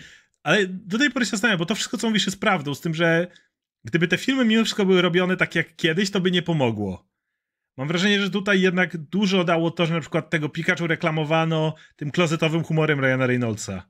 Jednak widziałeś tego Pikachu, który mówi o dowcipach o pierdzeniu. Tak, nie jest to najwyższy, najwyższe loty, ale jakby idea była taka, żeby ej, ludzie, lubicie Deadpoola i tak dalej? Też możecie to zobaczyć, też się pośmiejecie. Znaczy ja uważam, że przy, przy temacie Sonika musi wybrzmieć jedna rzecz bardzo ważna, która na pewno e, powinna dać do myślenia wielu, wielu twórcom, reżyserom, producentom, scenarzystom adaptacji na podstawie gier. Przecież kiedy ukazał się pierwszy trailer Sonika, No to tak. ludzie zrównali go z ziemią. Przecież No tak, Ugly Sonic. Sonika był czymś horrendalnym. To było nieprawdopodobne. To było to, to właśnie to Uncanny Valley. To wyglądało jak, jak dziecko przeklęte w Sonika zaklęte. To było odrażające, jak on wyglądał. Nie, nie było jednego pozytywnego głosu. Ludzie prześcigali się na memy. E, krytycy prześcigali się na barwne porównania. To było niesamowite. I co się stało? Jeff Fowler, który jest reżyserem, wszedł na Twittera i powiedział: Usłyszeliśmy was. Robimy redesign i przesuwamy premierę o 4 miesiące. I oni to zrobili. I oni na, uratowali tę postać, uratowali ten film i kredyt zaufania, jaki został zbudowany też przez to, że fani zobaczyli, że ktoś ich słucha, wreszcie, w przeciwieństwie do takiego Mhm. Assassin's Creed'a, czy takiego cholernego, no nie chcę już rzucać tego Super Mario Bros., ale niech będzie Mortal Kombat czy Resident Evil. Naprawdę stworzyli właśnie w tym kontekście kina familijnego coś takiego uroczego, fajnego, sympatycznego, ale nie uzyskaliby tego. Mhm. Gdyby nie zmiana tej postaci i gdyby nie wysłuchanie fanów i wzięcie sobie do serii, serca ich feedbacku, bo w przeciwnym razie by zostali po prostu zbojkotowani. To, jakby, to by było Rings of Power, takie mniej więcej, tylko w przeciwieństwie do Rings of Power mogłoby być faktycznie dobre, a mieć tę jedną wadę. Eee, I tak, to, to jest, myślę, nie wiem, nie, nie wiem jeszcze do końca, jaka w tym jest lekcja, ale jest w tym jakaś lekcja. I to ciekawe, te filmy też przede wszystkim są naprawdę spoko rozrywkowymi filmami. Jakby nie mam nic, wiele złego, to znowu nie będę tu siedział i wam się zachwycał nad Soniciem czy Pikachu, ale ja mam wiele złego do powiedzenia o tych filmach. To są naprawdę zabawne filmy, które absolutnie sobie wyobrażam, że jakby, nie wiem, rodzic z dzieckiem miał pójść, to tak jak z wieloma innymi, e, o których mówiliśmy, jed, jeden i drugi miałby tam znaleźć rozrywkę dla siebie, nie? I Jim Carrey tutaj oczywiście został, został ściągnięty jeszcze na swoje ostatnie filmy i tak dalej. Jest w tym. W tych filmach jest pewna lekkość, o to powiem. Jest one, one mam wrażenie, że są zrobione z taką naprawdę lekkim podejściem. Jak myślicie o tym Assassin's Creedzie wcześniejszy. Jasne, to nie jest Assassin's Creed, a Pikachu to są różne postacie, ale mimo tego mam wrażenie, że do, do Assassin's Creed też możesz podejść lekko. Też możesz podejść do tego w znacznie, znacznie lżejszy sposób. Nie? Tu, tutaj mam wrażenie, że ktoś uznał, ok, nie spinajmy się, nie próbujmy robić tego za wszelką cenę, wiecie, nie nawalmy 50 tysięcy odwzorowań. Zwróćcie uwagę, że w pierwszym Soniku nie, nie zrobili od razu, wrzućmy wszystkie możliwe postacie, jakie znamy z tego świata, tylko jest Sonic i jest Robotnik. I masz tylko, i oni trafiają na ziemię i, i niech sobie to działa, nie? W kolejnym możemy dodać trochę więcej loru, trochę dołożyć, ale nie musimy z tym zapierdalać po prostu, jak, jak nie wiadomo co. Ja, tam wiesz, przede wszystkim o historię chodziło, nie? Żeby Tak. o czymś opowiedzieć. Przecież ten detektyw Pikachu to nie była znowu historia, że o, tutaj idzie, łapie te Pokemony, nie? I o tym będzie cały film, tylko jest historia dzieciaka, który szuka, wiesz, Ojca. próbuje, z- Ojca historię szuka. swojego ojca rozwiązać. Ale, ale o tym jest trochę też. Sonic. To jest Sonic, który z kolei szuka swojego father figure, nie? I jakby to, to znowu są familijne filmy tak w, do końca, nie? Zresztą w drugiej części, jak się pojawia moja ukochana postać, pod którą Idris Elba podkłada głos, to jest, jest przezabawny z tym, jak bardzo jest poważny. To on, on po prostu wypowiada wszystkie pierdoły z taką powagą, że mnie to super bawi. Jim Carrey też włożył naprawdę swoje Tak, serce absolutnie. film. No. E, I, I kurde, i to czuć. To czuć też tą, tą lekkość w tych filmach, nie? Y, I to jest podejście pewne do, do tego typu treści na pewno. W przyszłości zobaczymy właśnie kolejnego Sonika i tak dalej. Myślę, że, bo zaraz powiemy o, o tych cięższych podejściach, natomiast w tym, tej lekkości myślę, że wiele filmów, o których powiedzieliśmy do tej pory, gdyby tam spuszczono powietrze, gdyby naprawdę stwierdzono, Ej, wiele z tych gier, ma, tych wspomnianych Hitman, ma masę absurdów w sobie. Jest tutaj masa lekkości, którą możemy wrzucić. To nie jest tylko i wyłącznie to, że, że musimy iść w tą stronę. To myślę, że to jest formuła na wiele z tych nieudanych adaptacji, które przeleciały wcześniej. Tak, Więc. to mógł być Benny Hillman. Benny, Benny Hillman, tak. E, czy macie jeszcze jak słowem podsumowania, bo musimy przejść do, do wiadomo, dwóch Do tytułów. podsumowania, musimy przejść do podsumowania. Nie, chodzi mi o podsumowanie tego, co mieliśmy do tej pory, bo, bo to jest zupełnie inne. Ja myślę, że to wybrzmi właśnie po tej ostatniej turze tych trzech produkcji, o których teraz Okej. pewnie powiemy, bo z Mhm, tego, tak, tak, z tego tak. chyba to, to, to, najwięcej to, to jest lekcji. zupełnie inna, teraz jest zupełnie inna strategia, która działa, nie? Bo umówmy się, te filmy, które dostajemy kinowe, one cały czas mają powtarzają te same wady, które były lata Okej. temu. Powracamy do konkretnych marek i dalej się na tym rozjeżdżamy. Tak jakby, że dopiero co rok, w zeszłym roku był Mortal Kombat, nie? Który się rozjechał na tym. Mieliśmy ten serial Re- Resident Evil, który też się rozjechał w wielu momentach, chociaż próbowali coś nowego dodać. Dostaliśmy Uncharted, który powtarza błędy, które były jeszcze w pierwszych Tomb Raiderach, nie? Który też nie, po, nie, nie opowiada ci o postaciach, tylko próbuje powtarzać grę, nie? To, co było też w ostatnim Tomb Raiderze. I to są rzeczy, które są jeszcze świeże, nie? I dlatego dla mnie takim wyrazistym przejściem i mm, zupełnie nową nadzieją na tego, jak można tatuować gry, jest ten mały ekran. Są seriale i są studia, które w zupełnie inny sposób podchodzą do przedstawiania tych dzieł. Nie? Więc mamy wejście streamingu właśnie, który jest tutaj, który ma, powoduje to, że nagle seriale mogą mieć wyższą wyższą, nie jakość, bo ja nie mówię, że nie było doskonałych seriali wcześniej, ale, ale na pewno można łatwiej postawić taki serial, wypromować go, y, znaleźć mu miejsce. Y, I y, szczególnie jest tutaj szansa dla animacji właśnie, nie? Jakby animacje mogą być tak czy tak traktowane, ale też trafiają przede wszystkim do szerszego grona, bo często było tak, że wiecie, jeżeli nie oglądałeś czegoś piracko, to zanim to trafiło, zanim jakaś telewizja kupiła prawa do tego, żeby to wyświetlać tutaj, natomiast w momencie, w którym w jednej chwili większość świata nagle ci mówi, możemy zacząć od Arkane, kiedy z- zaczyna ci mówić o jednym serialu, to jest zupełnie inny bas, to jest zupełnie inne zainteresowanie, to jest zupełnie inne, inne podejście do tego wszystkiego, kiedy, kiedy w to wchodzimy.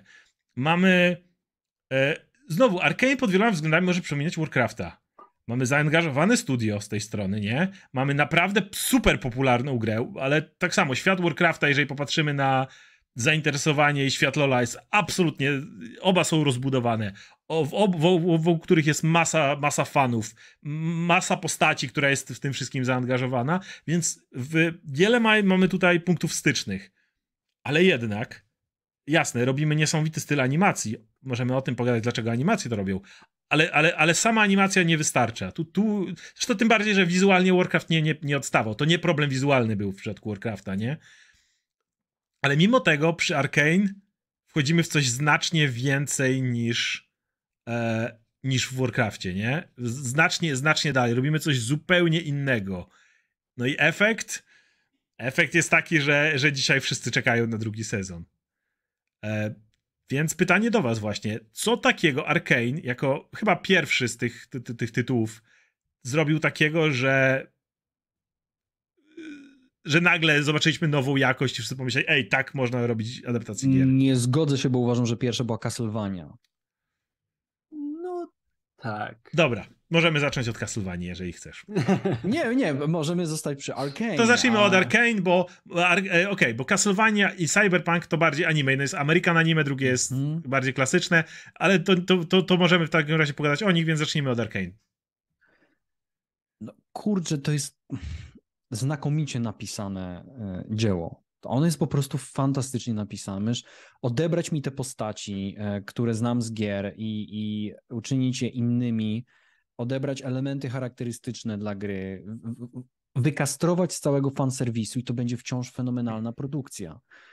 E, Już nawet abstrahując od, od, od, od stylu wizualnego, e, który jest no, uważany za jeden z najlepszych obok Into the Spider-Verse, jeżeli chodzi o osiągnięcie faktycznie a, a, animacji. No, kurczę, i, i, ja podchodziłem do tego zupełnie. Gdybyś powiedział mi, że to jest e, serial, który nazywa się League of Legends, a nie Arcane, i, i większym fontem napisał League of Legends, a to jest tylko maleńkim, to prawdopodobnie bym tego nie obejrzał, nawet gdybyś mi rekomendował. Miałbym z tym problem. Ale dzięki temu, że ja pod, podszedłem do tego zupełnie na świeżo i, i słyszałem zachwyty i miałem takie właśnie poczucie, że oni mają na to pomysł, oni chcą coś opowiedzieć, że dla nich oryginał, pierwowzór growy jest tylko kanwą, na której malują Mhm. jakąś swoją historię. I żeby była jasność, większość adaptacji gier właśnie była taką kanwą, ale to, co wybrzmiewa w Arkane, to jest perfekcyjne zrozumienie tego świata przedstawionego, każdego najmniejszego detalu i umiejętność bawienia się tym, wykorzystywania tego w nieoczywistych punktach, ale to też właśnie taka produkcja, bo dla mnie, dla mnie i Cyberpunk Edge Runners i Castlevania i Arkane mają najwięcej wspólnego ze wszystkich adaptacji. Pomijając już fakt, że to są generalnie e, nieaktorskie produkcje. Pomijając już fakt, czy nie live, live action, pomijając już fakt, że to są serialowe produkcje, to one są niezwykle wyraziste w swoim stylu. Wnoszą jakiś powiew świeżości i, i studia, które za nimi stoją, były świetne w czymś i zrobiły to po swojemu, ale najpierw doskonale odrabiając pracę domową. Rozumiejąc wszystko, do czego mogliby się doczepić fani, ale wiedząc, że fani się nie ucieszą, jak postać zrobi uśmiech w stronę kamery po fatality, e, czy, czy jak się pojawi ten potwór, tylko jak oni zrozumieją reguły rządzące tym światem, jak oni zrozumieją filozofię, systemy, które tam są. Castlevania też pięknie właśnie e, e, to wyłapuje i pewnie zaraz o tym będziemy mówili, więc doskonale odrobiona praca domowa, świetnie po prostu napisana historia, która mogłaby egzystować w innym uniwersum, okrawając z całej tej aparatury franczyzowej, i, i, i wreszcie unikalność w sposobie opowiadania tego, wizual, audiowizualna unikalność. I Arkane no, zrobiło, ja bym powiedział, Arkane zrobił to na szóstkę, gdyby nie to, że Castlevania podoba mi się prawie podobnie. I, I Cyberpunk Edgerunners podoba mi się prawie podobnie tak mocno, aczkolwiek Arkane właśnie. Arkane względu... jest cały czas jest jednak Ale dla mnie to też jest topka. W sensie ja, ja nie jestem aż takim fanem anime jak, jak Radek. Ja się uczę tej, tej, tej wrażliwości anime i dla mnie Cyberpunk Edgerunners oraz Castlevania były ogromnym krokiem naprzód w tej kwestii. Obecnie Berserk jest dla mnie czymś takim, ale, ale Arkane, też właśnie wydaje mi się jakieś takie niezwykle dojrzałe w pewnych motywach, których dotyka, jak mm -hmm. na mhm. przykład choroba psychiczna. Mm -hmm. e, więc tak, Arkane jest GOAT, greatest of all time.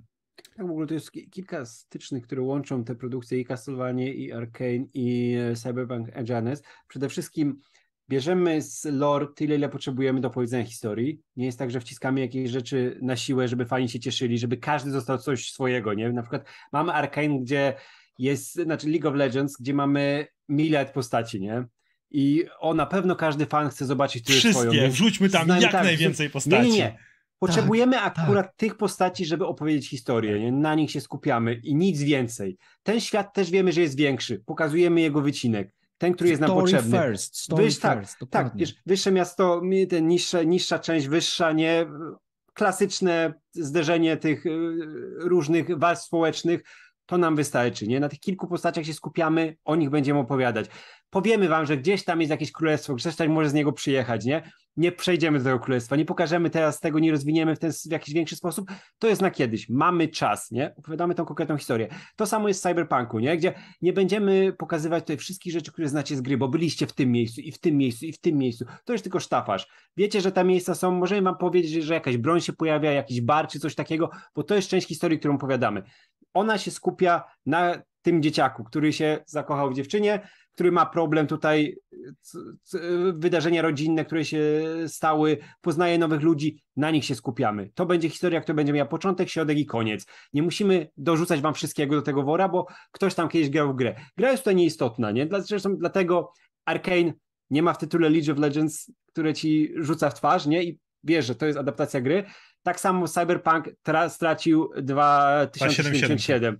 Tak, jest po prostu cyberpunk, bo wiesz, że to, wiesz, że to jest... Wszyscy mówią Edge Runners przede wszystkim. Oczywiście, nie... wszyscy mówią Edge Runners, ale też wiesz, że cyberpunk to po prostu to jest e, gatunek, nie? Żeby wiedzieć, z czym to się je, ale nie musisz mieć tego odniesienia bezpośredniego do gry, bo to jest nieistotne, nie? I to, to jest po pierwsze. Po drugie, skupienie się na postaciach. Opowiadamy historię konkretnych osób, nie próbujemy wrzucać wszystkich właśnie do jednego wora, nie próbujemy ka każdemu coś zarysować, nie żeby miał coś pokazane. Nie. One przechodzą płynnie z postaci do postaci, każda ma swoje miejsce w tym świecie i to jest zrobione z głową. Po trzecie, to ma być wizualnie obłędne, nie? To nie jest tylko tak, żeby ej, to się musi zlepić w całość i ma so, sobie tak być, bo fani i tak obejrzą, nie? Wiesz, szkoły pójdą, nie? To tak jak z adaptacjami lektur polskich no, na tak. początku wieku, nie?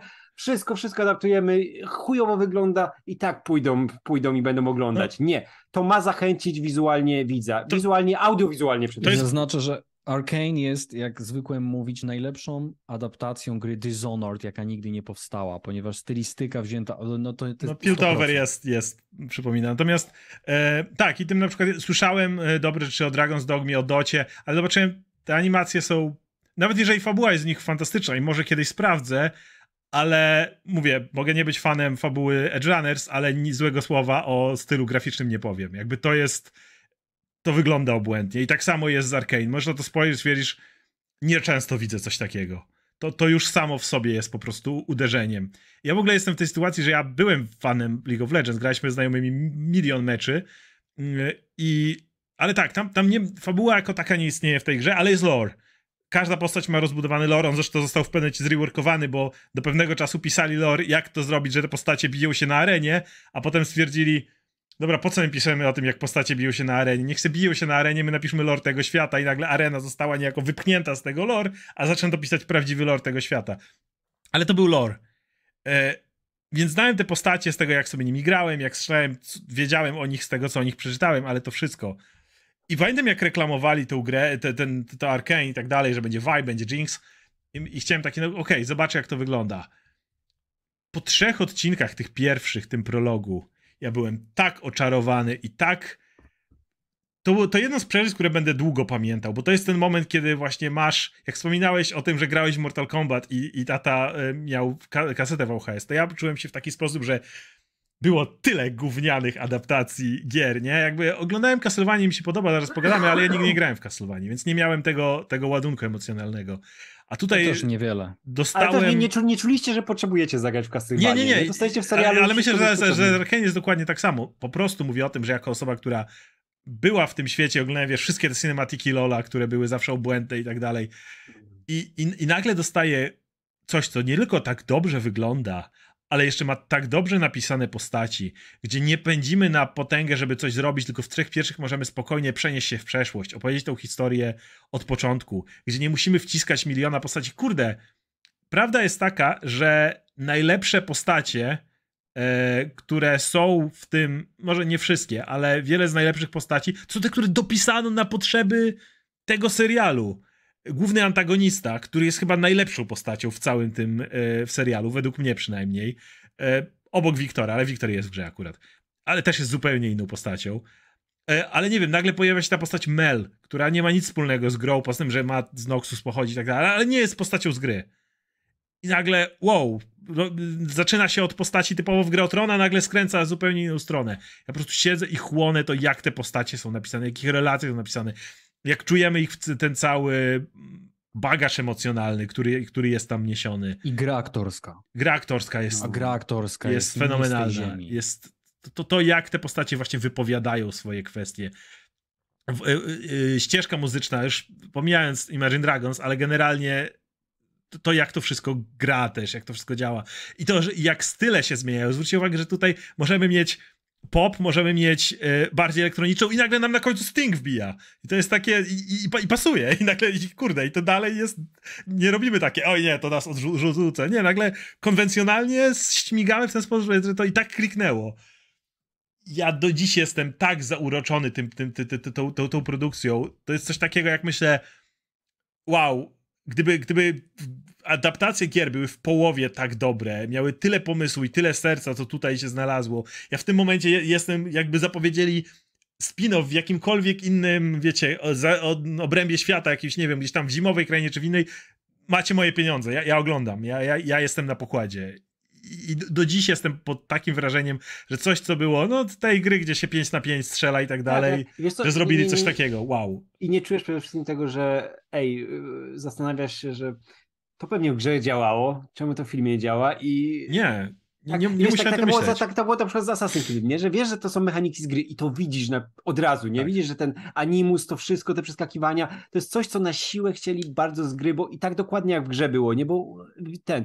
Bo robimy to dla graczy, nie? I oni to na pewno powiedzieli, nie robisz tych filmów, nie powinno się robić tych filmów konkretnie do jednej grupy, nie? To jest za mała grupa być... też i dlatego Arkane, Edge one są, to są produkcje uniwersalne, nie? które nie tracą nic na tym, że są uniwersalne. Jeszcze to jest bardzo ważne. Ale wiesz co, mhm. tylko dodam jeszcze, że tak, tak było z LoLem, że pamiętam, że obejrzałem tego Arkane i mówię, super, nie? Zobacz tego Lola. Pamiętasz, jak ja chciałem zagrać mm. w Lola, nie?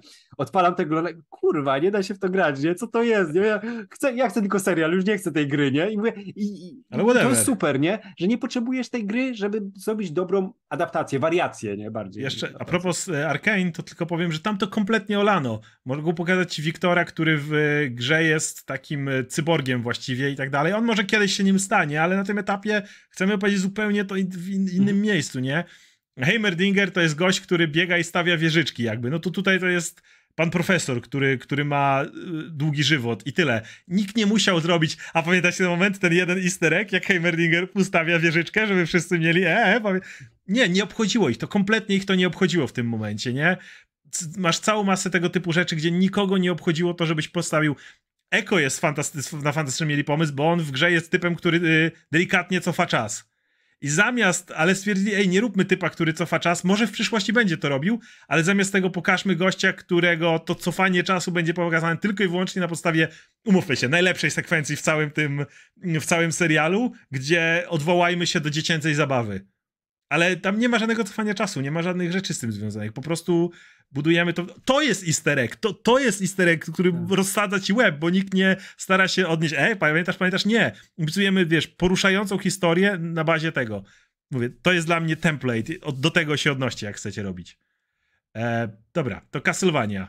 E, zacząłeś mówić o Castlevanii, Filip, więc może, może oddam ci głos. E, jak Castlevania u ciebie wskoczyła, bo gadaliśmy swego czasu u nas z Adamem, który był super fanem całej serii gier, ale sam mówisz, że nie miałeś aż takiej styczności. Nie, totalnie nie i pamiętam, że Radek mówił, że powinienem obejrzeć Castlevania. Mówił to, a jeżeli nie, no to to jest ten moment, żeby mnie wyprowadzić z błędu. Nie, ja, ja mówiłem. I, tak, i Krzyś, Krzysiek, Krzysiek Maj też mówił, żebym obejrzał i stwierdziłem, kurde, no, no jakby Radek też mi polecał Legends of Vox Machina, tak, i też byłem naprawdę zachwycony tym małą, tą małą perełką. E, I Castlevania jest ciekawa, ona ma naprawdę, tam jeden człowiek za to odpowiada tak naprawdę od strony scenariuszowej, napisał wszystko i w toku tej serii wychodzą jego pewne maniery, tak? Jakby drugi sezon jest dla mnie naprawdę fantastyczny, ale ma pewne dużyzny. E, pojawiają się dwie postaci, które są wyjątkowo interesujące. Jest dużo ciekawych wątków filozoficznych.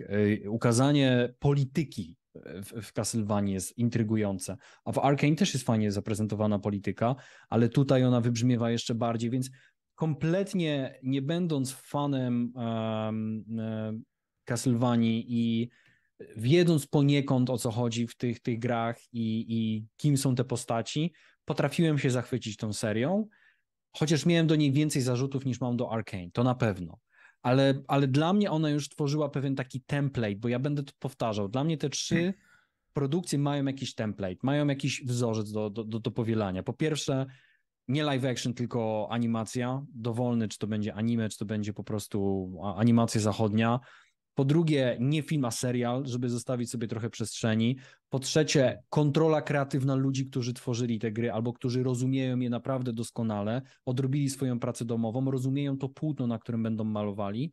Po czwarte, nie, nie boją się sięgnąć po niestandardowe farby, żeby malować tę historię i możesz odebrać im wszystko, co zrobili, ale to i tak ta historia będzie się broniła. Castlevania może troszeczkę mniej, ale wciąż to mógłby być inny świat, w którym są wampiry, y, albo w średniowieczu, albo jakiś inny hmm. Abraham Lincoln, zabójca wampirów. I, I to wciąż jakoś będzie się, będzie się broniło. I wreszcie piąta rzecz to jest właśnie ta wyrazistość, unikalność. I kurde, jakby opcja domyślna. Jak nie wiesz, co, jak nie wiesz gdzie znaleźć jakąś unikalność, po prostu idź w anime. Anime, anime zadba o to, żeby to było naprawdę niezwykłe. Ja nie mówię, że w każdej grze się to sprawdzi, ale tak robię sobie takie ćwiczenie mm, myślowe w trakcie naszej rozmowy i każdy tytuł, który pojawiał się, może poza filmami Uwe Bola, to myślałem, a co by było, jakby było anime? I na przykład myślałem Silent Hill, kurde, sprawdziłby się. Resident Evil, kurde, sprawdziłby się. Mortal Kombat, kurde, sprawdziłoby się. Mortal Kombat e, miało więc... bardzo dobrą animację, która nie była anime. E, I, i wyszło naprawdę dobrze. Scorpion's Revenge. Tak. No, jak nie widziałeś, naprawdę tak. spoko. Ja widziałem, puh, ja widziałem nawet tą animację, która trwa 30 minut i była appendixem do filmu pierwszego 95 roku. Okay, Pamiętam to, to tylko tak, jedną tak, scenę, w którym Sub-Zero zamroził Skorpiona i wyskakuje na niego i rozbija go na kawałki, dlatego Skorpion umarł i dlatego jest trupem, czy został mhm. skrzeszony cokolwiek, ale ja się jarałem jak jest na cholera. Więc no nie no, wydaje mi się, że Castlevania na pewno wytyczyła pewną ścieżkę i totalnie zostaje przyćmiona przez ciężar naprawdę wybitnego Arkane i rosnącego coraz szybciej Edge Runners, jeżeli chodzi o szacun na dzielni. A, ale, ale Castlevania, nawet zobaczcie, że nawet zapomnieliśmy, znaczy przynajmniej ja przy, wyskoczyłem z tą Castlevanią. E, moim zdaniem ona zasługuje na więcej szacunku, a, a tak łatwo jest jakoś zbyć to, ponieważ gry serii Castlevania przestały wychodzić. I naprawdę bardzo dawno temu mieliśmy ostatnią grę, która wyszła gdzieś tam po 2010 roku, była Tak, chyba jedna. Lo- Lord of Shadows dwójka chyba, nie? Ostatnio. I, i to, to, jest, to jest dla- mnie szok, tak? No bo, no bo Cyberpunk Edge Runners równie dobrze mogło być merchem czy akcją promocyjną dla gry. Chyba, że to się E. właśnie nakręca świetnie, nie? Jak, jak, jak No. właśnie, jak bardzo zacznie grać. Kurde, jak ja do, do, Fandom, do, fandom na to reaguje. a do fandom dzisiaj mówię- nie jest taki rozgrzany. Dzisiaj mówię, jak ludzie e, rzucili się na po raz kolejny na Wiedźmina trzeciego, jak ten już trochę lat miał, jak wyszedł serial, pie, pierwszy sezon Wiedźmina. Można było jechać po tym sezonie jak się da, ale zrobił robotę pod względem kampanii. Tak, ludzie wrócili i zaczęli grać mocno w trzeciego Wiedźmina. Cyberpunk to samo. Nagle, wiesz, gra zjechana i nagle ma kolejne życie. Jeśli chodzi o Castlevanię, hmm, ja pod wieloma względami kocham ten serial, ale pod wieloma względami, bo tak, pisał go Warren Ellis, którego bardzo lubię z wielu jego komiksów, które on pisał, jak na przykład Moon Knighta świetnego e, i tak dalej. E, Natomiast ja z Castlevanią miałem dziw, dzi, dziwną przygodę, bo powiem, że pierwszy sezon mi w ogóle nie siadł. I to tak w ogóle nie siadł. Mam, mówię, mo, mo, miałem tak po prostu, że te postacie były dla mnie za bardzo e- edgy, takie przerysowane, muszą powiedzieć fuck, o, tutaj cały czas rzucać to i takie być, wiesz, super mocne i w ogóle. I do dzisiaj nie jestem fanem ty- tych głównych postaci, nawet po ostatnim sezonie. Cypher chyba najbardziej polubiłem w końcu z, z nich wszystkich. Później w kolejnych sezonach, szczególnie w trzecim, kiedy, który jest słaby według mnie pod wieloma względami, ale właśnie tam przynajmniej między Cyphą a Trevorem jest, zaczyna się rozwijać faktycznie jakieś, rozumiem tą relację, choć tam Alucard ma beznadziejny wątek. I, i było tak, że miałem takie, eh. w drugim sezonie pojawił się Hector i Isaac. To dwie najlepsze postaci Hmm. serialu w moim odczuciu. Dla mnie to są głównie bohaterowie tego serialu, bo No, tylko dla nich jest- oglądałem do końca. Dla mnie te, te dwie postaci wywindowały ten serial właśnie Tak. na poziom, który Mało sprawia, tego, ja bym, ja, jest szansa, że ja bym, nie, ja, że ja bym nie przeszedł dalej niż drugi sezon, bo mi pierwszy naprawdę nie siadł. Ja miałem wrażenie, że to jest takie właśnie ten... Oni się pojawili.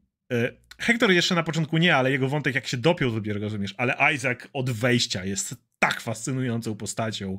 Zaczynasz to oglądać i ja siedzę, okej, ty Trevor, ty, gdzieś tam Alucard, idźcie, gdzieś tam, róbcie tam sobie coś tam. Ja, ja się skupiam na ich wątku i, i do końca, jak ich oglądałem wątek, mówię, Wiele osób ma ten finałowy motyw, jak tam wiesz, wielka walka z tym śmiercią, który się pojawia z dupy, umówmy się na końcu, ten wielki zły, który jest śmiercią w ogóle. Tutaj Trevor musi odwalić. Dla mnie finałowa walka to jest pomiędzy, jak ona się, Kamila, Karila, ta y, wampirzyca i, i, i Isaaciem. To jest dla mnie finał tego, tego serialu co, to i, i jest- payoff tego wszystkiego. To, to jest też już, przechodząc troszkę do podsumowań, to jest e, istotne, że właśnie e, Castlevania i reszta tych e, rzeczy, o których teraz mówimy, są serialami, że to jest bardzo też growe, nie? że w grze potrzebujesz czasu, żeby się zaznajomić z postaciami, żeby to się powoli rozgrywało, żebyś poznawał świat, takim naturalnym tempem, żeby to szło, nie? I dlatego w serialu to lepiej wypada, nie? Bo jakbyś dostał na przykład film Castlevania, animowany, nawet animowany, to wiesz, że te postacie Hektora i, ten, i te poboczne, które są fajne, Nie one były po macoszemu, nie, nie byłoby na nie czasu. Musiałby się skupić na tych bohaterach, którzy mają robić super rzeczy, nie? Cool.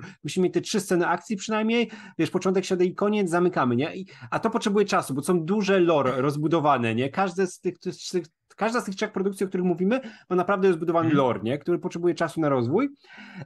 I to po pierwsze. Po drugie, w końcu studia zauważyły, jak istotny jest długofalowy rozwój marki i że te sprzedanie licencji to nie może być na zasadzie tak jak było z Uwebolem, że o, chłop kupił, jakiś pieniądz z tego będzie, niech sobie tam robi swoje. Już Ubisoft tak robił właśnie, czy to z Assassin's Creedem, czy wcześniej właśnie z Uwebolem i z Far Cry'em, nie? Gdzie to, to były dobre marki, które można było zrobić coś fajnego, ale nie na szybko, to przecież to nie jest ważne, nie? Przecież kto ten film, ktoś tam zobaczy, to zobaczy, nie? My tutaj dalej będziemy gry napieprzać, nie? To się zmieniło teraz, e, szczególnie w przypadku e, studia Riot, które bardzo przejmuje się wszystkim, co jest związane z rozwojem ich marek, identyfikacją wizualną i ogólnie to wygląda niesamowicie. Tak jest w przypadku e, League of Legends, tak jest w przypadku Valoranta, nie? Gdzie tam jest wszystko musi chodzić jak, jak w zegarku, musi wszystko super wyglądać. Mamy na przykład e, w League of Legends mamy te teledyski, wiesz, k-popowe zespoły, które tworzą na rzecz gry, nie? To, że to ma być częścią reklamy. Mo, wygląda- Mogę jako ciekawostkę, przepraszam, że ci przerwę, powiedzieć, że moje, moje studio e, robiło filmy dla Riota pod, pod Lola ze strategiami i dużo czasu zajęło, zanim ostatecznie został klepnięty e, guide style z asetami, z których mogliśmy korzystać. O. Totalnie. I to, to, Liternictwo, to, wszystkie takie rzeczy. I to widać, jak im na tym zależy, nie? I to, to, to, to jest w przypadku każdej z tych produkcji. To, to zresztą widzieliśmy, jak Cyberpunk powstawał, nie? Jak wyglądało, żeby trzeba było wybrać znakomite studio, które ma się tym zająć, które pasuje do tego projektu. Wszystko trzeba było dopracować, nie? To nie było, że o już wpychamy, bo gra wyszła, trzeba szybko coś do tego dołożyć, nie? Nie, to powstawało długo. Arkane tak samo. To nie było tak, że szybko zrobimy ten serial, wrzucimy, może troszkę grę mhm. nam podbuduje. Nie, był czas. I teraz też na drugi sezon będziemy czekać, wiesz, bardzo, bardzo długo. To nie jest tak, że od razu możemy przejść tak, następny. Tak, tak. Nie, nie, nie, to nie, ma, nie ma, bardzo nie ma istotne, potrzeby. że studia w końcu interesują się produktami, które tworzą, nie? Że to nie jest tylko dawaj, robimy. Ciekawe... Chociaż filmowo to dalej działa, nie? Ale serialowo już jest lepiej. Ciekawe, że o tym mówisz właśnie i o tworzeniu tej animacji, bo właśnie to nie jest tak, że oni mają jakieś problemy, przynajmniej nie słyszymy o tych stworzeniem Arkane, po prostu zrobienie tego w tej jakości zajmuje tyle czasu. To jest niesamowite, jak mała dygresja, non-stop na, na kanale narzekamy na MCU, gdzie po prostu w tą tubę wpychasz jak najwięcej, żeby jak najwięcej tej treści wyszło, nie? Efekty specjalne, no jakaś tam She-Hulk wyjdzie, no e, lecimy i tak dalej, nie? I, ma, i masz ich filmy wyglądają coraz gorzej MCU. Masz to wszystko po prostu tak ciśnięte, bo nie ma miejsca, nie? Aktor zmarł, wywalamy go, przerabiamy sobie, już nie możemy odczekać, nie możemy zrobić tego później, nie, bo nam się tu grafik wali, musimy to pchnąć dalej, kolejny film jak najszybciej. I masz te, te Arkane, które, nie, nie, jasne, że wszystkim by się opłacało, gdyby co roku był kolejny sezon. Pewnie zarobiliby znaczy więcej hajsu, ludzie by wszyscy wznawiali Netflixa czy cokolwiek za, za to wszystko. Ja sobie się to opłacało. No ale nie, to wymaga czasu, to wymaga ogarnięcia, to wymaga zrobienia jakby to, to, to wszystko musi zostać dopracowane i tak dalej. I, i tak. I to jest tak. Ja, dla, dlatego jak mówią, że ok, kolejny sezon Arkane znacznie później niż, niż rok po roku, ja siedzę dobrze. Tak. Bardzo dobrze. Do, do, dobrze, dobrze znaleźć znowu moment, że można szpilę Marvelowi wbić, nie? Tak, Ale to ja a, a odbiję tę piłeczkę, ponieważ jak myślę o historii filmowego Marvela, to strategia niejakiego Adi Arada była przez lata dokładnie taka, jak studiów, które zgadzały się oddając licencję do swoich gier ludziom, którzy robili z nich złe anima, tak? E, przepraszam, złe adaptacje. Jeszcze Rozdawał do Stan to jeszcze robił. Dokładnie. I nagle pojawia się ten Kevin Feige, powstaje Marvel Studios i zachowują kontrolę kreatywną nad tym wszystkim. I to jest dokładnie to, co robi Riot Games w tym momencie. Mm. I to jest dokładnie to, co zrobiło CD Projekt Red. No do momentu, aż Fajgiemu wszedł nad głowę gość, który nagle mu zaczął mówić co innego i wracamy do właśnie punktu upchnijmy jak najwięcej w jak najkrótszym czasie. Więc to się zypnęło, ale, ale tak, ale w międzyczasie tak to wygląda. E, więc kończąc, tak. E, pierwsza rzecz to jest wygląda na to, że znacznie większym po naszej długiej, długaśnej rozmowie możemy chyba parę punktów zaznaczyć. Pierwsza rzecz to jest prawdopodobnie, jasne, kontrola kreatywna, pomysły i tak, to wszystko o których możemy mówić, ale prawdopodobnie znacznie lepszym miejscem na adaptację gier jest jednak serialowość niż filmy. Gry są mają zwykle bardzo obszerną fabułę, z bardzo rozbudowanymi postaciami, z bardzo dużym lorem świata. To są rzeczy, których bardzo często nie jesteś w stanie pokazać w jednym filmie, natomiast umówmy się, stawianie wozu, wozu przed koniem, czyli najpierw uniwersum, a potem filmy, wy, wyjechało się na tym praktycznie każde studio, które próbowało od tego zacząć. Więc yy, a żeby opowiedzieć w pełni to, no to musimy zrobić wiele tych filmów, co nie jest takie proste. Więc pierwsza rzecz, którą ja bym właśnie to jest to. Druga rzecz to prawdopodobnie byłyby wiele rzeczy pomyśleć o tym, żeby było to animacjami. Nie wszystko może, nie każdą grę możesz pokazać w sposób dosłowny. Może czasami będzie to zbyt wielki budżet, może czasami będzie to zbyt trudne do pokazania, może czasami po prostu się to nie przekłada na odpowiedni sposób. No i trzecia rzecz w końcu, e, gra w przeciwieństwie nawet do książki, która opisuje ci pewne wydarzenia, ma jednak bardzo dużo miejsca na gameplay. Musisz to, tą przestrzeń czymś zastąpić. Nie możesz i jak, jak mówimy, to nieważne, czy tym gameplayem jest bijatyka, nieważne, czy to jest meczyk 5 na 5, czy to jest angażująca historia jak w The Last of Us, gdzie też jednak jest dużo miejsca, gdzie po prostu strzelasz do zombie, do ludzi, czy coś takiego, ale musisz mieć pomysł na to, jak ten gameplay zastąpić, a nie przenieść go jeden do jednego, bo jak wiemy, to się wywala. E, to byłyby moje trzy główne spostrzeżenia, także słucham e, waszych. Ewentualnie, jak macie coś do, do rozbudowania do moich. E, podpisuję się pod wszystkim, co powiedziałeś, tylko na pewno podkreśliłbym to zachowanie kontroli kreatywnej przez ludzi, którzy tak doskonale znają grę, ale od strony światotwórczej, od strony narracyjnej. Mhm. E, I, a po stronie partnera, no bo zobaczcie, mamy właśnie e, Fortish, tak, i Riot, mamy Trigger i CD Projekt Red, no to są takie kolaboracje. Mhm. I ważne, żeby właśnie ten partner naprawdę odrobił pracę domową, znaczy doskonale znał, e, mówi się w języku angielskim nuts and balls, no po prostu każdą śrubkę tego świata przedstawionego, czy tej kanwy, jak powiedziałem, na której będzie malował swoją historię, mm, bo fani będą ich z tego rozliczać. I tu naprawdę nie chodzi o to, żeby wrzucić ten smaczek, żeby, nie wiem, orki wyglądały dokładnie tak samo, bo orki sobie można inaczej zinterpretować, ale na przykład obyczaje orków, tak? albo jakaś faktografia w tym świecie. E, to, czego się tak czepiają wszyscy w zasadzie, jeżeli chodzi o Rings of Power, którzy znają prozę Tolkiena i generalnie ten, ten, ten, ten świat przedstawiony, to, to trzeba dobrze odrobić pracę domową w taki sposób, żeby odnieść się z szacunkiem do świata, na którym się pracuje, szczególnie jeżeli to jest marka, która ma już sporo lat. E, jakby ponownie, można tam powiedzieć dowolną historię, ale raczej, raczej jak dzisiaj sobie omawialiśmy te, te adaptacje, to, to głównie te, które nie były w stanie oddać ducha, a przez ducha mam na myśli tak naprawdę świat danej gry, były tymi, które sobie radziły gorzej albo które po prostu były przez nas równane z ziemią. Więc mm, i jeszcze, jeszcze mam takie, bo cały czas myślę o tym Cyberpunk Runners, któremu nie poświęciliśmy tak dużo miejsca, ale to może dobrze, bo my już mamy chyba za tym dość gadania o Cyberpunk Runners, ale, ale no, to już jest powodu. taki, to jest taka właśnie praca domowa oddana na szóstkę, gdzie dosłownie, bo ludzie mówią, no Cyberpunk Runners to nie jest adaptacja Cyberpunk 2077, tylko gry Mike'a Pondsmitha. No, no nie do końca, znaczy to jest adaptacja 2077, dokładnie gry. Dzieje się w świecie gry totalnie. Do, dosłownie wzięte w te same proporcje obiektów, które się znajdują, takich jak, nie wiem, skrzyżowanie, droga, diner, e, pokoje, e, osiedle, budynek, wszystko jest dokładnie takie samo. I to już jest taki poziom detaliczności, który sprawia, że ja nie zaspokajam fanów wprowadzając tę postać, gdzie wiecie, na werblach gram i uważacie, teraz wejdzie ona i strzelił firebola. Nie, nie, nie, nie.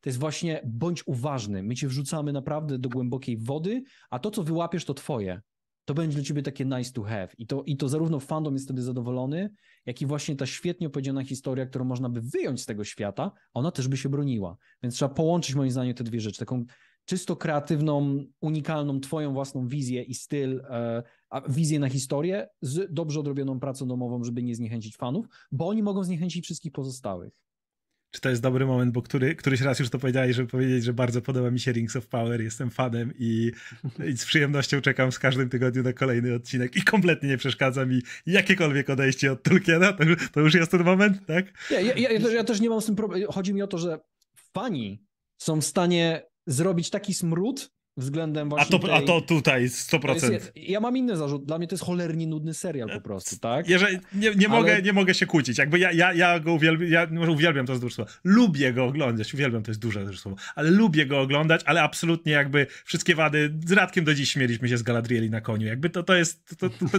to, nie tak, że ja nie widzę wad Dla tego mnie tam serialu. mógłby się pojawić Predator, a ja bym był zadowolony, naprawdę. Jakby, I... No, no, to, absolutnie. E, tak, natomiast e, no, było wspomniane na przykład właśnie Halo. Kurde, fani przecież suche nitki ostawili na, na, na, no na tym serialu.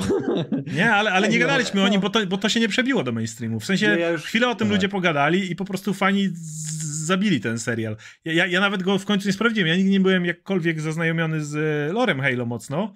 Radek był, ale chyba tego nie sprawdziłeś w końcu, Radek, nie? Obejrzałem jeden odcinek i to tak leży i leży i leży i no. leży. No to nie jest moje Halo.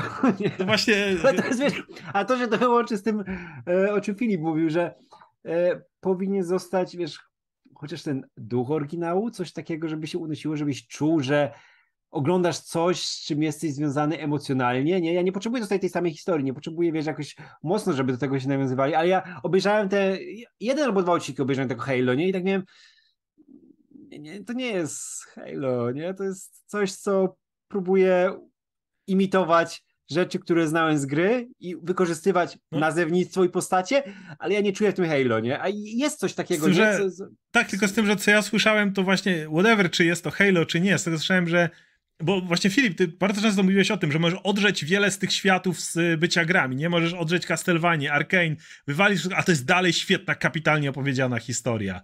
Natomiast jeśli chodzi o Halo, to właśnie, żeby to przecież nie jest kapitalnie, nie jest dobrze opowiedziana historia, nie? Jakby mówię, mi akurat Rings of Paris się podoba, ale rozumiem, że jeżeli powiesz, okej, okay, podarcie wszystkiego, co jest Tolkienovskie, dalej mnie to nudzi, no to cię nudzi i jakby nic na to, nic nie mam do dodania, no nudzi cię, no tak, tak jest. w ogóle w adaptacjach mógłbyś naprawdę bez y, szacunku potraktować ten świat, może nie, nie bez szacunku, bez ale szacunku swoją to... wyrazistą tak. wizję, i, ale to będzie się w stanie obronić, jeżeli będziesz miał dobrą tak. historię. Jak nie masz dobrej historii, to świat tego nie uratuje. Absolutnie się pod tym podpisuję i właśnie dlatego mówię, gadamy o, o, o tych serialach, czy, czy, czy e, przede wszystkim czy anima, animacjach, czy, czy jak one są zrobione i właśnie wchodzi te Halo, no i prawda jest taka, że ja nie słyszałem nigdy, żeby to był dobry serial. Jedyne, jedyne to, to byli ludzie, którzy mówili, że to nie wygląda jak Halo, ale ja nigdy nie usłyszałem jednej e, jednej wypowiedzi o tym, że to jest świetnie napisany serial, po prostu, nie? To jest albo bardzo podobne, albo niepodobne do Halo. I w tym momencie, no to powiem więcej, jeżeli wszystko, co słyszysz o tym, o serialu czy filmie, to jest to, jak bardzo jest podobny lub niepodobny, lub e, wręcz, ale ta postać się pojawiła, ale to się pojawiło, ale to, to zaczynasz myśleć, okay, ale e, to co jest tam pod spodem, nie? Jakby o, o, o czym jest ta historia, ja, ja, ja, jak, jakie jest mięcho tam pod spodem. I wydaje mi się, że w przypadku tego typu rzeczy, no niestety, niestety tego zabrakło. Radek, jeszcze twoje podsumowanie. No ja już podsumowałem tym, tym, e, że mówię, że w końcu ktoś się przejmuje, e, wiesz, w dalekosiężnych planach tymi produkcjami. W końcu jest do nich serce naprawdę, a nie tylko po to, żeby ej, mamy licencję, odbębnimy to, zrobimy, żeby ludzie gdzieś tam, wiesz, żeby o, żeby pozycjonowało się dobrze w Google'ach e, znowu nasz, nasz produkt, nie? Tylko po to. Nie, o tym się mam mówić, ludzie mają sobie, wiesz, pocztą pantoflową przekazywać, że to jest naprawdę fajna historia, nawet ci, którzy nie są z fanami, nie? Ja lubię, jak w końcu te rzeczy nie są robione tylko dla fanów, że na nich się skupiamy i, i mamy ich jak najbardziej ucieszyć, tylko robimy dobre produkcje, nie? Mamy ludzi, którzy z, chcą zrobić dobry, dobrą rzecz, lubią te światy, ale nie chcą się na nich, wiesz, w 100% opierać na tym, co już było, nie? Tylko tworzą swoje historie i chcą je w fajny sposób e, sprzedać widzowi niedzielnemu przede wszystkim, nie? Takiemu, ja tak miałem, no, i z Cyberpunkiem, którego lubię, lubię grę, znaczy lubię grę, włożyłem dużo czasu w grę, nie? Bo ona była niegrywalna, grałem na PS4, ale dostałem fajną rzecz, która nie jest powiązana z grą tak mocno, nie? Tak samo było z e, Arkane, i ja się bardzo cieszę, że idą w tą stronę, bo to jest jakaś w końcu konkretna strategia, a nie tylko odcinanie kuponów, bo mamy markę. Nie możemy wrzucić nazwę w tytuł i się sprzeda na pewno. No nie sprzedawało się przez lata, a teraz w końcu to działa. Wiecie, to jest jeszcze jedną rzeczą, o której pomyślałem, o której zapomnieliśmy powiedzieć, albo nawet nie zwróciliśmy na to uwagi, co łączy te wszystkie trzy produkcje i wydaje mi się, że może mieć wpływ na ich sukces, ale jeszcze nie wiem do końca dlaczego. To jest streaming. Absolutnie. To jest to, że one, one wszystkie trafiły na Netflixa, Absolutnie. one wszystkie były dostępne od razu, wszystkie odcinki. Nie, nie, właśnie, przeżyciem, nie, nie, nie, tak, nie, nie od tak, razu, tak. nie od razu. Właśnie co jest dobre, w tej ilości, w której były potrzebne. Arkane, zwróć uwagę, że było po trzy wydawane. Trzy, trzy, trzy. Okej. Okay, to jest jedna z rzeczy, tak. które ja bardzo mhm. chwalę. Trochę się wciąłem, ale y, ja zawsze mówię o tym, że y, nienawidzę w Disney, na Disney Plus na przykład tego, że mają te seriale Marvelowe i one są wszystkie w tej samej formule. Sześć odcinków, teraz zrobili She-Hulk, ale ona ma po 30, odcin- po 30 minut króciutkie odcinki i tak dalej. Kiedy widzisz, że tam nie ma nawet miejsca, czasami się pojawiają drobne zalążki historii, ale nie lecimy dalej. Ale będziesz miał Daredevila, będziesz miał. Będziesz miał Daredevila, będzie super, nie? E, natomiast e, Netflix przy całym przypierdalaniu się do tego, ile tam główna produkuje i tak dalej, to jest platforma, na której faktycznie wiele rzeczy powstało dokładnie, na przykład no, ostatni sezon Stranger Things tam nie było żadnej reguły. Jeden odcinek trwał godzinę, finał trwał ponad dwie i tak dalej. Ale co za różnica? To jest streaming. Potrzebowaliśmy tyle miejsca, żeby tutaj opowiedzieć tyle i tyle. Wypuszczamy je w takich partiach, jak trzeba. Na przykład teraz wychodzi Andor, który mi się bardzo podoba, ale wyszły pierwsze trzy odcinki razem. Widać od razu, że kolejne trzy, że to gadaliśmy z takim o tym, jest ten sam reżyser, ten sam scenarzysta w paczkach. One są ewidentnie jedną historią, ale wychodzą po jednym. Ja czekam, aż wyjdą wszystkie trzy i zobaczę je jako film. A właśnie tutaj y, Edge Runners i Castlevania chciał powiedzieć, żeby widz w miarę płynnie obejrzał tą historię, natomiast y, Arkane było podzielone na trzy akty, które wyszły nam dokładnie po trzy w, w każdym tygodniu i to mi się cholernie chwali. Wy, żeby korzystajcie z tego, że to jest streaming, macie dokładnie tyle czasu i taką formę, jaką potrzebujecie, w takiej formie nam to da, mm, dajecie. To chwalę I jeszcze, bardzo. żeby wyrównać szale wszechświata i wracając na moment do Rings of Power, ale z innej strony, to, to właśnie jest ta potęga streamingu, że Krzysztof M. może jeździć po, po, po Rings of Power, moim zdaniem nie do końca słusznie, bo tak fanatycznie wręcz, jeżeli chodzi o, o, o, o- źródło. Ja mogę być niezadowolony, bo dla mnie to jest zbyt nudny serial, ale moja mama nigdy nie poszłaby do kina na Rings of Power i nie jest fanką Tolkiena i w ogóle ma miałkie pojęcie o Władcy Pierścieni, ale że Amazon Prime jej podpowie na stronie głównej, to obejrzy i się wciągnie. Mhm. I również dlatego tak szybko się rozchodzi dobre słowo, na przykład o, o Arcane, dobre słowo rozeszło się nie dlatego, że fandom już był w poczekalni i mówił, to będzie na pewno genialne, teraz wszystkim powiedzmy, tylko że zaczęło to trendować. I ludzie pocztą, pocztą pantoflową od razu sobie mówili, stary, obejrzy, to jest tak jak było ze Squid Game chociażby. Mhm. I, I to jest potęga streamingu. To, że mamy te algorytmy polecające, to, że jak coś jest popularne teraz w Polsce, będziesz miał to wywalone na pierwszej stronie głównej i że ludzie niekoniecznie podejmują tak świadome decyzje popkulturowe jak my, gdzie mówią, o, to ma wysokie oceny, o, na to czekałem, bo śledzimy. Nie, ludzie po prostu siadają w piątek wieczorem, odpalają, mówią, o, co tam nowego? O, jakiś Rings of Power albo, albo niech to będzie Arcane i oglądają. I to myślę, że też ma duży Ale- wpływ ale- na to, dlaczego sukces odnoszą. Pójdę nawet krok dalej. Nawet y, dalej te, ta bańka, to nakręcanie się działa, ale jesteś tylko jedno kliknięcie od tego. To nie jest, nie musisz iść Tak. do kina, nie musisz tego zbierać i tak dalej. Tak, tak, o to mi chodzi też, tak. Wszyscy, wszyscy sobie polecamy, mówiłeś, że ci Radek coś polecał i tak dalej. Wszy- Wszyscy jesteśmy w bańce, wszyscy sobie coś polecamy, czat nam coś poleci i tak dalej. I, I czasami jest taki moment, kiedy, kurde, już tyle osób mi mówiło o tym serialu. No dobra, zobaczę sobie jeden odcinek. Podoba mi się, jadę dalej, nie? Albo jadę w tych paczkach, których, których chcę i tak dalej. Albo jeżeli wychodzi co, co, co, co tydzień, to można to sprawdzić. Jesteś jedno kliknięcie od tego. I tak jak mówisz, szczególnie nowe marki, nie? W kinie musisz sprzedać coś, co już jest jakoś popularne, sprzedać znajomą gębą, sprzedać czymś tam. Na streamingu, jeżeli coś się rozkręca, czy, czy ludzie chodziliby do kina na to Squid Game? W życiu by nie chodzili, No. ale No. tak. E, je- jedna rzecz, bo dostaliśmy, e, prosiłem o pytania, więc mamy dosłownie dwa czy trzy o pytanka, które są związane z tematem, więc tutaj jest e, Adriano Italiano, przepraszam, ale odpowiemy na najbliższym live, bo pytasz nas o grę Guardians of the Galaxy, ale to pogadamy sobie przy live. Natomiast e, skoro wspomnieliśmy, o, to od razu mogę, mo, możesz jeszcze raz zrobić plug, bo pytanie jest od Paweł P. Czy macie jakieś wspomnienia związane z konsolą Pegasus, sesje z kumplami, rodziną, ulubione gry i wszystko inne, co jest powiązane w tym temacie? Myślę, że na twoim live'ie Myślę, że na twoim live'ie. Myślę, że na To twoim. ja- To właśnie, właśnie proszę odcinek. bardzo, bo. Wklejam na czacie tutaj u nas na, na Zoomie, żebyś w razie czego mógł udostępnić. E, tak, będziemy o tym rozmawiali we wtorek nadchodząco o godzinie 18.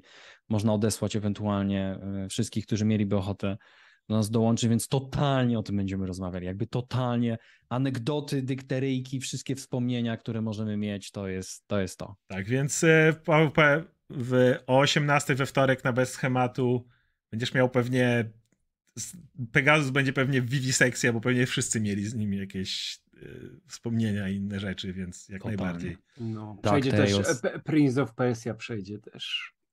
Jak tu mówiliśmy o filmie, to tam będzie o grze na pewno. Ale I ten klasyczny tej- 2D, ten taki, że biegasz tym białym Ludzie- ludzikiem. Jordana McNaira, no oczywiście. Do dziś, I do, DuckTales. do, dziś, do dziś pamiętam ko kody do tej gry na moim petlecie, jak się je wpisywało.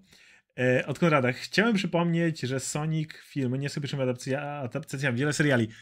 Tak, ale mówiliśmy wyraźnie o tym, że wiemy, że wyszło milion najróżniejszych rzeczy straight to DVD, telewizyjnych i w ogóle. Celowo gadamy o tych rzeczach, które trafiły do mainstreamu. Dlatego nie mówiliśmy o Scorpion's Tak. Revenge czy tego typu rzeczy. mo- możemy pogadać o trylogii Fat e, Fatal Fury, ale nie wiem, czy widzieliście Nie. w latach 90. Sonic, Sodem i X są e, najbardziej znanymi i wiele osób poznało tę markę przez nie, no ale to jest nieporównywalne, z czego e, X bezpośrednio adaptował fabułę Gear Adventures, jak Shadow się poświęcał na stacji kosmicznej, to się, popła- to się chyba popłakałem, czy coś takiego. I dalej, czy oglądaliście filmy Assassin's Creed o Ezio, rodowód było jego ojcu i Embers o śmierci Ezio i bardzo mi się podobały, zwłaszcza Embers, na którym pod koniec się płakało.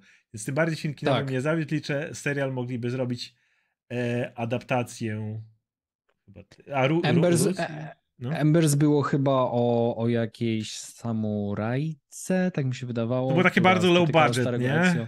Tak, ale to było, to było bardzo ładne. To było naprawdę Okej. piękne zakończenie jakby Ezio, pewnie niekanoniczne. O, o ojcu chyba ale- kojarzę Ezio, takie było dosyć, dosyć low budget, e, bez, bez żadnego przebicia, ale, ale skoro o tym wspominasz, to mówisz o serial mogliby zrobić, robią serial. Właśnie Netflix ma podpisaną umowę z Ubisoftem i powstaje serial Assassin's Creed. E, W to wierzę. to jest na razie w powijakach pewnie, ale tak, to ma znacznie większy sens, żeby Assassin's Creed było właśnie serialem i trzymam kciuki, że, że to powstanie z jednym konkretnym bohaterem. Niech jeden, jeden sezon opowiada o jednej epoce nawet. Więc y, absolutnie. Każdy odcinek będzie się kończył Jeremy Ironsem, który mówi w końcu Zniszczę Assassin's Creed. Tak. E, No dobra, to tak jak mówię, to były dosłownie dwa pytanka, a, a, na, a na to e, o Pegasusie, to tak jak mówię, będziesz miał okazję usłyszeć na pewno wiele historii o Pegasusie. E, No to jeszcze raz, e, dziękujemy Ci Filip e, za wpadnięcie, zapraszamy na Twój kanał bez schematu, do którego link jestem prawie pewien, że znajdzie się w opisie. Więc możecie już teraz, już teraz, no dajcie nam jeszcze sekundę, żeby się pożegnać, ale potem możecie klikać i, i oglądać. A ja zapraszam was na bez schematu. Będzie cała reprezentacja napisów końcowych w przyszły wtorek, więc tym, tym, tym piękniej. Tak, i, e, i tak jak mówię, mam nadzieję, że podobała Wam się nasza rozmowa o, o, o grach. No, wyszła nam bardzo, bardzo długa. Bardzo długa, bardzo ale pogadaliśmy naprawdę o wszystkim, co do mainstreamu No. No, trafiło. Totalnie. naprawdę pogadaliśmy o, o, o wszystkim. E, To nie, to jeszcze jedno. Ja właśnie to przeglądałem dzisiaj rankingi Dajesz. y, filmów na podstawie gier i najwyżej oceniana pozycja i produkcja, której nie oglądałem, Też to jest Werewolves Within. Werewolves Within. ale to zarobiło jakieś śmieszne pieniądze, Tak, nie? to zarobił śmieszne pieniądze, to jest na podstawie jakiejś indie gierki, nie? Takiej Ja w ogóle nigdy nie słyszałem o tej mocnej- ja grze, też nie. tak? Ja ci To, to, ale- to zarobiło 900 ty, niech- niech- 930 tak, to tysięcy w kinach. 85-86 ma chyba na Rotenach, nie? 79, 85, Tak. coś takiego, coś, coś pomiędzy, ale, ale chciałem to jeszcze wrzucić jako ciekawostkę, bo żaden z nas tego nie widział, Tak. Ale jest to w kilku różnych rankingach, obiektywnie biorąc pod uwagę Okej. oceny na Rotten Tomatoes, najwyżej oceniana Okej, ekranizacja. No. okej, Okej. okej. No dobra. Muszę Także, zobaczyć. także razie. jeszcze raz dzięki wszystkim, że wpadliście. No i do następnego razu. Trzymajcie się. Hej.